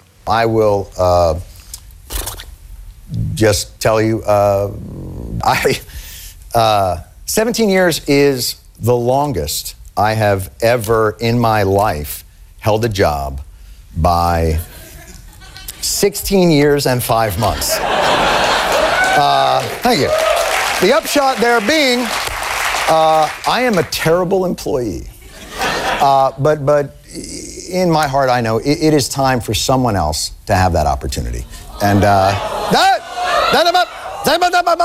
uh, I don't have any specific plans. Got a lot of ideas. I got a lot of things in my head. I'm gonna have uh, dinner on a school night with my family, who I have heard from multiple sources are lovely people. Ja, ik ga maar eens op een eh, door de weekse dag eten met mijn familie. Ik hoor dat het hele aardige mensen zijn. Het is natuurlijk ook een hele lange tijd, eh 17 jaar. Het wonderlijke is dat hij komiek was in die eerste plaats. Het moest grappig zijn, dat was ook gewoon het doel. Tegelijk werd het steeds meer ook journalistiek. Werd het geëngageerd. Objectief hoefde hij niet te zijn, want hij was immers komiek. Het moet grappig zijn. Ja, dat is grappig. Maar tegelijk had hij ook vaak wel een punt.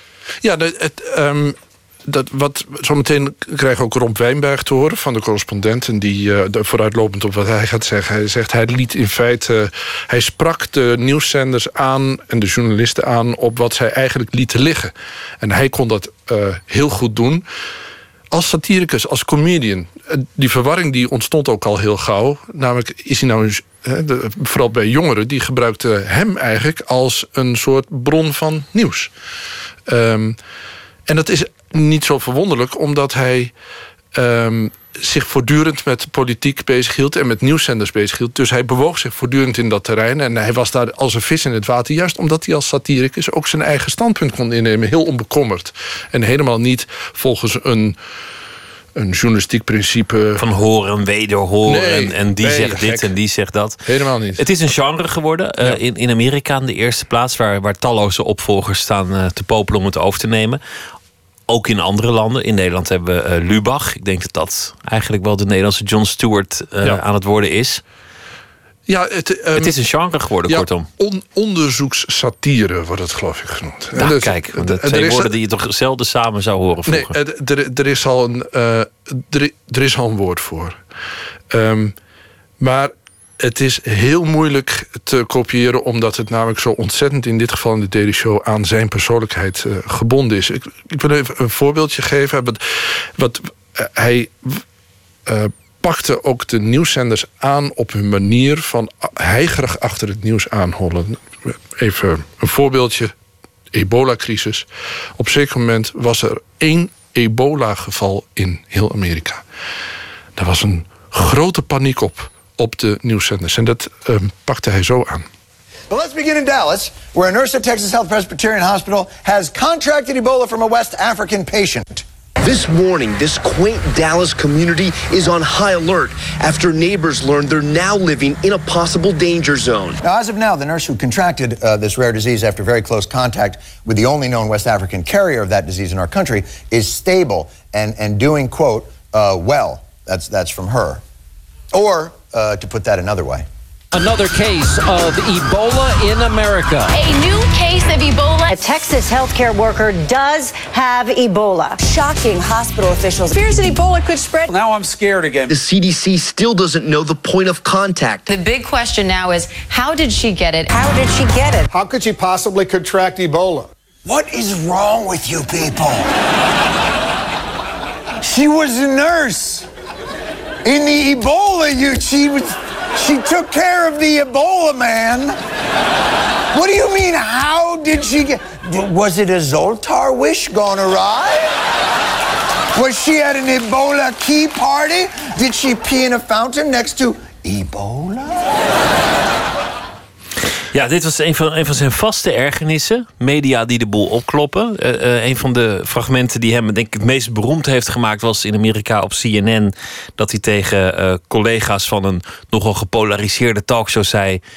You're hurting America, stop hurting America. Ja, stop. Dat was zo'n crossfire. Hè? En, Ja. en CNN heeft achteraf gezegd de- dat die aanval op dat eh, eh, in die show ertoe geleid heeft dat CNN die hele show van de buis heeft gehaald. Maar het, de, de agenda erachter is de media met die, met die hang naar sensatie, overdrijving, alles opkloppen. Zijn, zijn eigenlijk schuldig aan een bepaald politiek klimaat waar we maar eens vanaf moeten. Dat, dat, dat zou je kunnen samenvatten. Ja, en ze, en, en ze nemen. ehm, eh, ze, ze, ze houden iets in stand waar ze helemaal niet. eh, eh, partij in moeten zijn. Ze moeten helemaal die, die, die grens naar de politiek niet over. Ze moeten ehm, kritisch zijn en ze moeten ehm, het nieuws volgen en verslag doen en kritisch analyseren. Zo even naar Rob Wijnberg luisteren ja. van de correspondent. Een van de beste dingen die de Daily Show altijd deed... en daar zijn ze denk ik beroemd om geworden ook... is gewoon, ze hebben een, een, een onderzoeksteam en een ar- archieffunctie. En ze gingen gewoon bij uitspraken van politici kijken van... oké, wat, wat zei hij hier nou zes maanden geleden over? Wat zei hij hier een jaar geleden over? Wat zei hij hier twee jaar geleden over? Hele simpele dingen die je gewoon als journalist altijd zou moeten doen, zeg maar. Je komt constant achter dat er, er wordt gedraaid, er wordt gelogen... er wordt ge- gespind, er wordt onzin verkocht. En hij wees daar gewoon op, zoals je zou verwachten... dat CNN of een willekeurig andere nieuwszender dat zou doen. En dan er een hele grappige sketch over maken. Ja, dat is briljant. Maar het moeilijke is als satire je vak is en, en lachers op de hand krijgen uiteindelijk je doel. Hoe doe je dat met echt nieuws? Als, als er een ramp is gebeurd, als er een, een bom is ontploft, als het 9-11 is. Dat was natuurlijk het probleem van, van Stewart op zulke momenten. Hoe loste hij dat op op 9-11? Zus luisteren. Good evening and uh, welcome to the Daily Show. Uh, we are back. Uh, this is our first show since uh, the tragedy in New York City, and uh, uh, uh, I'm sorry to do this to you. To, to, to, it's, it's another entertainment show beginning with uh, an overwrought speech of, of a shaken host, and uh, I apologize for that. It's something that, unfortunately, we do for ourselves so that we can drain whatever abscess is in our hearts and move on to, uh, to the business of making you laugh, which, uh, which we haven't been able to do very effectively lately. Um, Hij was dus eigenlijk, hij werd geen slaaf van zijn, eh, van zijn format. En dit, dit is ook een reden waarom het ook wel heel erg aan hem plakte, die show. Hij was iemand die dit kon, die dit kon overbrengen, die dit geloofwaardig hield. Wat En dat is denk ik een vraag die je aan eh, Rob Wijnberg hebt gesteld. Wat moet de journalistiek uiteindelijk leren van, van nou ja, wat John Stewart ze voor spiegel heeft voorgehouden al die jaren? Nou, opnieuw kan ik eh, het woord geven aan Rob Wemmer. Soms opende hij zijn programma zelfs. Dan was er een gebeurtenis waar hij echt eh, aangegrepen door was. 9-11 was een voorbeeld. Er waren ook van die shootings. Dan zei hij, geen comedy vandaag. Dus hij zat niet vast aan de formule of zo. En als hij een super interessant gesprek had met iemand... eh, want hij eindigt altijd met een interview... en dat, dat, dat was een half uur eh, langer interessant dan de tv hem geeft... dan zette hij online de, hele versie. En dan zei hij van, kijk maar verder, want het was hartstikke leuk. Die houding, die proberen wij bij de correspondent ook een beetje te, te handhaven van... het stuk is niet te lang of te kort door het aantal woorden. Het is te lang of te kort naar gelang hoe interessant het is of niet. Als je dat zou toepassen op het journaal enzovoort... krijg je gewoon veel beter journaal. Soms is er een dag minder te vertellen. Soms is er een dag 40 minuten alleen maar over Griekenland te praten... omdat dat het allerbelangrijkste is. Ehm, dat dat niet kan... eh, of dat dat niet mag, als het ware. En dan mensen, journalisten zeggen dan, en dat ga jij nu ook zeggen... de tijd is op. Dat ondergraaft het idee dat jij gaat over hoe lang deze tijd duurt. Dit is een nachtcorrespondent, het duurt negen minuten, Rob. Het is, de tijd is op. Het spijt me. Geeft niks. Ik, ik neem het je niet kwalijk. We zijn uitgelopen, Pieter. Ja, ik vind het ook eigenlijk zo'n getut, zo'n draaiboek van... oh nee, dan moet het nu maar... goed, de- daar hebben we het een andere keer over, want eh, de tijd is op. Dankjewel, Matthijs Heel, Deen. heel graag, dankjewel, Pieter. In september eh, opent het Nederlands Filmfestival met de film J. Kessels. Naar eh, de roman, het personage en de beste vriend van P.F. Tomezen. De film is geregisseerd door Erik de Bruin. Een van de liedjes die daarin eh, zal voorkomen vanwege de vele reizen naar Amerika is The Flying Burrito Brothers. We gaan luisteren naar een stuk uit 1969, Hot Burrito Number One.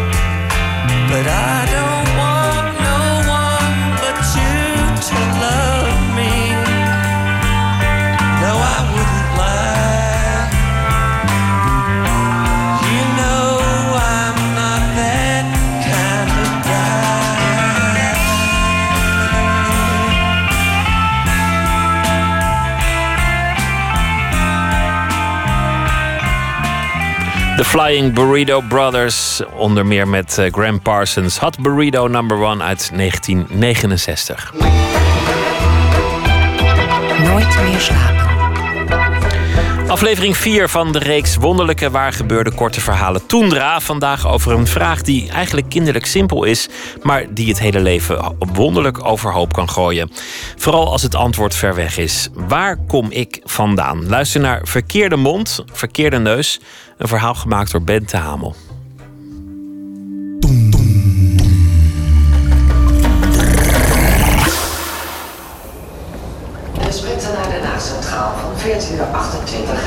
Rijden. Nou, die meneer daar die aan het telefoneren is. Daar zo. Hij is te, te lang en hij heeft geen krullen in zijn haar. Dus daarmee valt hij af. En die vrouw die daar staat, dan denk ik... mm, nee, de, de mond klopt niet. En die, die vind ik niet lijken op de vorm van mijn mond. Dus die valt ook af. Ties heeft een gewoonte. Hij kijkt naar mensen. Op zich niks bijzonders, dat doet iedereen. Maar bij Ties is het anders. Hij zoekt naar hoofden, neuzen en oren die op de zijne lijken. Zijn radar staat altijd aan. Die mevrouw heeft bijvoorbeeld een te kleine neus. Dus, dus valt ze af. Ties is wat je noemt een donorkind. Hij is verwekt in een kliniek in Groningen uit het zaad van een anonieme spermadonor. Wie die man is, zijn biologische vader dus, dat weet Ties niet. En hij weet ook niet hoeveel kinderen er nog meer zijn verwekt uit het zaad van zijn donorvader. Hoeveel halfbroers en halfzussen er dus misschien wel rondlopen. Ik denk dat zij ouder is. Ik denk dat ze te oud is om een half zus te zijn. Zeg maar. Waar die ook heen gaat. Overal is hij omringd door schaduwfamilie.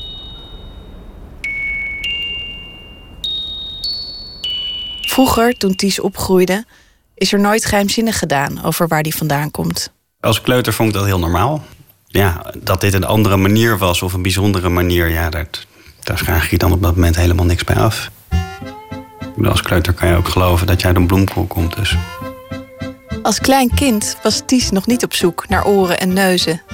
Ik kan me niet herinneren dat ik me als, als 11 of 12 jaar wel eens afvroeg in de trein van... goh, is iemand verwant aan mij? Maar ik weet wel dat ik dat als 15-jarige wel begon af te vragen. En als ik dan inderdaad in de trein zat of in een vreemde stad kwam... of, eh, of, of meer naar het noorden was, omdat ik natuurlijk verwekt ben in Groningen... dat ik me dan wel wat vaker afvroeg van... is die persoon op, op straat een, een, een halfbroer of een halfzus of eh, mijn donor? Hoe ouder die wordt, hoe meer het hem dwars gaat zitten. Dat grote vraagteken van zijn afkomst. Op wie ga ik lijken als man? Wat voor volwassene ben ik nou eigenlijk? En op, op wie lijk ik dan? Ja, welke trekken ga ik meegeven aan mijn kinderen? Dat wat je niet weet, dat wordt steeds groter. Dat vind ik wel ingewikkeld. De- Dus de vraag groeit, zeg maar. Ties begint te fantaseren over een ontmoeting. Het zijn geen fantasieën over spoorloosachtige taferelen... waarbij vader en zoon elkaar snikkend in de armen vallen. Wat Ties wil is eigenlijk iets heel simpels. Ik zou eerst gewoon eens heel lang naar die man willen kijken. Hoe ziet hij eruit? Hoe lopen de lijnen in zijn gezicht? Hoe, hoe beweegt iemand? Ja, kijken wat dat, wat dat aan informatie geeft over mij. En ik denk dat ik het heel prettig zou vinden dat daar nou ja, toch een knagend iets waarvan ik me altijd afvraag wat het is, dat dat tot rust komt. Omdat je iets je niet meer hoeft af te vragen. Als hij een jaar of twintig is, besluit Ties op zoek te gaan naar zijn biologische vader. Wat ik op dat moment wist van mijn moeder is dat ik in de privékliniek van, nou ja, de man noemde zich professor Kramer ben verwekt. Die gaf les op de Universiteit in Groningen. Maar professor Kramer leeft niet meer en zijn kliniek is opgedoekt. En ja, je merkt misschien al dat Ties nogal een afkeer heeft in zijn stem als hij het over de professor heeft. Nou, dat heeft hiermee te maken.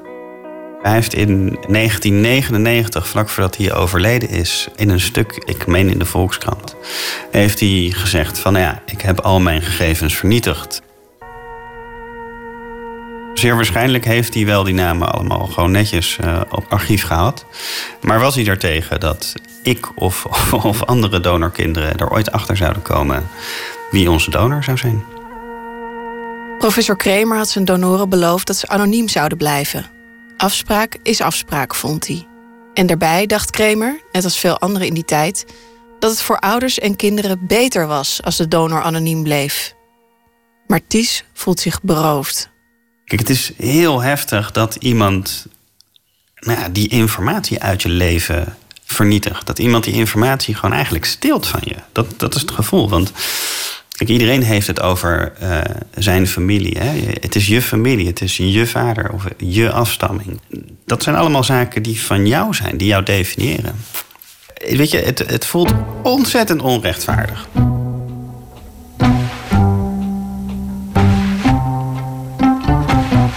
Boos en teleurgesteld besluit Ties zich aan te sluiten bij Stichting Donorkind, een belangengroep.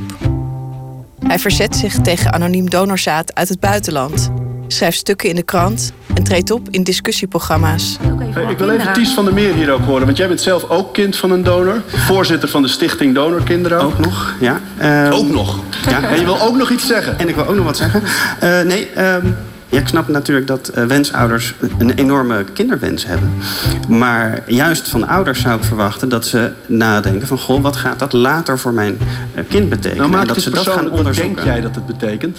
Nou, wat Het werk voor Stichting Donorkind doet hem goed. Ties ontmoet er mensen die hetzelfde hebben meegemaakt. De stichting wordt gerund door donorkinderen en donors. En veel van hen zijn ook op zoek naar hun familie. Een hele goede avond, mannen. hey, kijk, daar is hij. Ja. Ties zit aan tafel achter zijn laptop.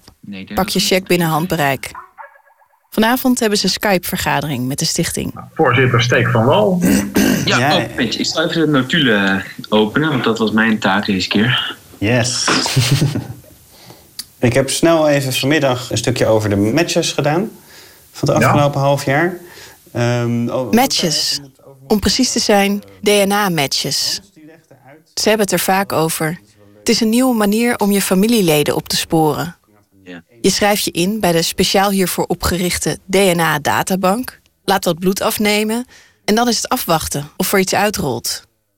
Een match, oftewel iemand met hetzelfde DNA. Dat kan je biologische vader zijn of bijvoorbeeld een halfbroer of halfzus. stuurde natuurlijk dat mailtje over hoeveel mensen er gematcht zijn. Ja. En als ik dat even kijk, dan is het sinds maart vorig jaar... zijn er 27 matches. Zo. Ja, ik zag in dat staartje zo ik staan één donor met negen kinderen. Ja. Zo. Dat is een eh, grote geluksfactor. Ja. Die staat ook ingeschreven bij de databank.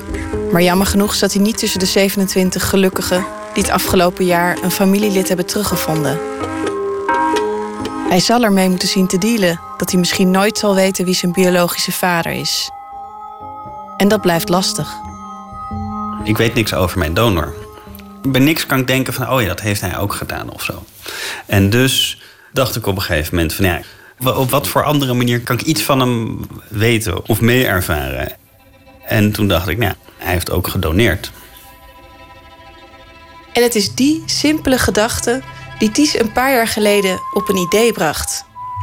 Als ik ook doneer, dan eh, kan ik misschien een soort van navoelen wat zijn beweegredenen waren. Of hoe hij daarmee omgaat. Of eh, zoiets. Ties meldde zich aan bij de fertiliteitskliniek van het AMC. Hij werd zelf spermadonor. Vanaf dat moment reed hij er elke paar weken langs. Ik weet nog vlak voordat ik 30 werd. Toen kwam ik doneren bij de kliniek. En toen zeiden ze van, we kunnen je feliciteren. Want er is een kindje geboren. Ja, dat vond ik wel, vond ik wel echt heel, heel, heel heftig. heel bijzonder. Toen ik die dag weer het ziekenhuis uitging, toen heb ik meteen even mijn moeder gebeld om dat te zeggen. En ja, zo'n beetje iedereen die ik tegenkwam, die ben ik dat wel gaan vertellen. Want ja, super bijzonder dat er gewoon een kind van jou is, ergens. Nog voordat Ties een eigen gezin heeft, is hij al vader geworden. En niet van één kind. Het ziekenhuis heeft laten weten dat er inmiddels twaalf kinderen geboren zijn. Twaalf! En het kunnen er nog meer worden. Maar wie die kinderen zijn, waar ze wonen, hoe ze heten, dat weet Ties niet. Het enige wat ik van die kinderen weet is dat ze bestaan. Tegenwoordig is het in de wet zo geregeld dat donorkinderen kunnen opvragen wie hun donor is als ze 16 jaar zijn. Dus de beslissing om wel of niet contact te zoeken ligt in handen van de kinderen, niet van Ties. Toen ik donor werd, dacht ik van, oh ja, die nieuwsgierigheid, daar kan ik best wel mee omgaan. De nieuwsgierigheid naar de kinderen die er hier eventueel van, van komen, die, die is, dat is vast hetzelfde als de nieuwsgierigheid die ik heb naar mijn donor. En dat is toch niet helemaal zo hoor. Ik die kinderen zijn wel veel bijzonderder. En dat mijn donor niet mag ontmoeten, daar zit meer een onrechtvaardigheidsgevoel. En naar die kinderen heb ik veel meer een gevoel van toch ook wel verantwoordelijkheidsgevoel. En ontzettend nieuwsgierig. En een hoop natuurlijk dat zij heel gelukkig zijn. Ik kijk heel erg uit naar de dag waarop ze eindelijk naar me op zoek gaan. En als er kinderen zijn die niet op zoek gaan, dan zou ik me ook wel de rest van mijn leven afvragen hoe het met ze gaat.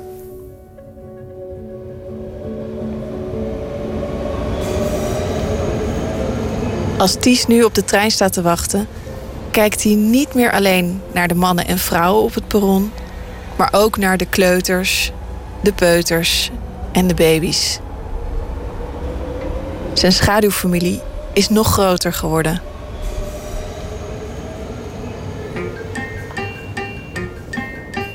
Ties weet dat zijn oudste kind nu zes moet zijn. Dus over tien jaar is het zestien. En misschien gaat dan op een dag de bel. Ja, ik heb wel zo'n fantasie over dat iemand inderdaad aanbelt bij de deur en dat je iemand uitnodigt je huis in. Ik kan me heel erg voorstellen dat iemand heel nieuwsgierig is naar, naar hoe je woont en hoe je leeft. En ja, persoonlijk zou ik als eerste heel graag willen weten: wat vind je ervan? Wat vind je ervan dat ik dat heb gedaan? Verkeerde mond, verkeerde neus. Een verhaal gemaakt door Bente Hamel met medewerking van Esma Linneman en Arno Peters. Eindredactie Katinka Beer. Mede tot stand gekomen met steun van het Mediafonds. En u kunt zich abonneren op de podcast via iTunes. Toendra heet het programma. We gaan luisteren naar Kwabeda Atjepong. En eh, hij wordt ook wel Kwaps genoemd. Het nummer heet Walk. Gotta slow up, gotta shake this high. Gotta take a minute just to ease my mind. Cause if I don't walk, then I get caught out. And I'll be falling all the way down. Hundred headlights making me blind. All of your pleasures catching my eye. I once, then I never think twice. But your temptation's making me stay another night. And my senses only lie to me, lie to me. I don't know how it feels so right to me, right to me. I gotta change myself before I get what I want. Find out it's not what I thought it was. And you know why I gotta slow up, gotta shake this high.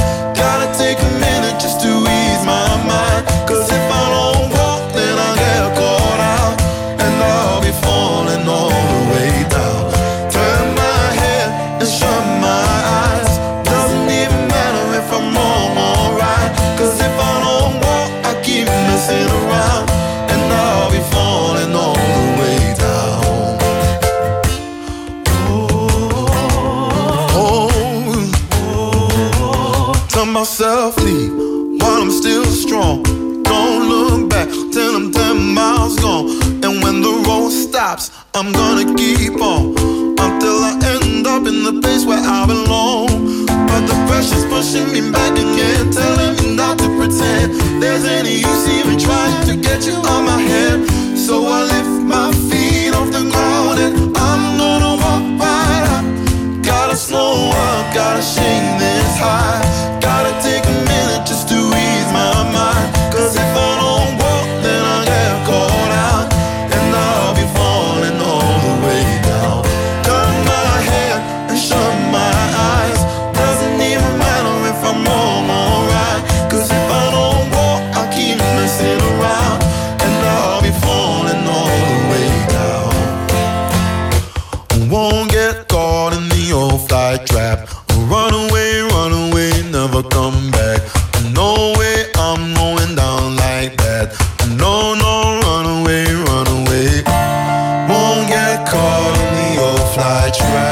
Run away,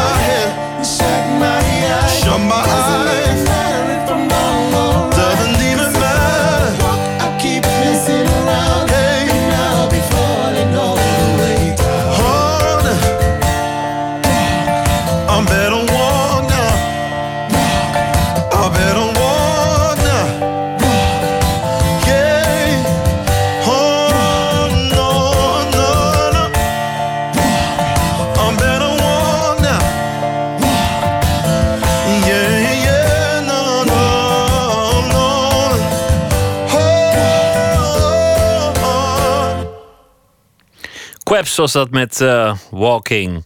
Hanna van Wieringen is dichter deze week. Zal ze elke nacht een favoriet gedicht voordragen en uitkiezen. Vannacht is dat een gedicht van de dichter des vaderlands Anne Vechter... met de titel Showen en Trippen.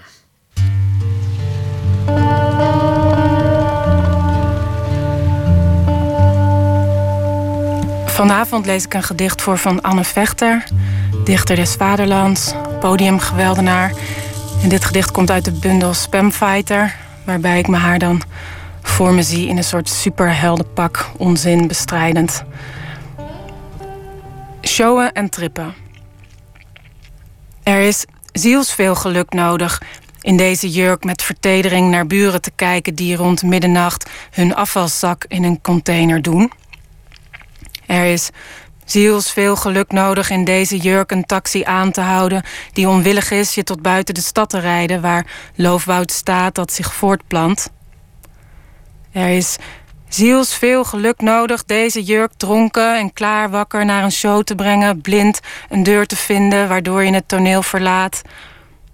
Er is zielsveel geluk nodig in deze jurk iets te slikken, een ballonvaart te maken en op het mozaïek van je land neer te kijken als een slome astronaut. Er is zielsveel geluk nodig in stralend weer, voorzichtig te verongelukken, stemmen schreeuwen, zeggen waden in plaats van jurk. Hanna van Wieringen las een gedicht van Anne Vechter. Showen en trippen. Morgen weer een uh, gedicht. Dit was Nooit meer slapen voor deze nacht. Zometeen uh, de nachtzuster uh, op deze zender Ron Vergouwen. Die neemt het over. En morgen zit hier Esther Naomi Parkin in gesprek met schrijver Wil Boesten. Mensen kunnen een hele goede nacht en morgen een hele vrolijke dag. En ik hoop dat u dan weer zult luisteren. Goeienacht. Op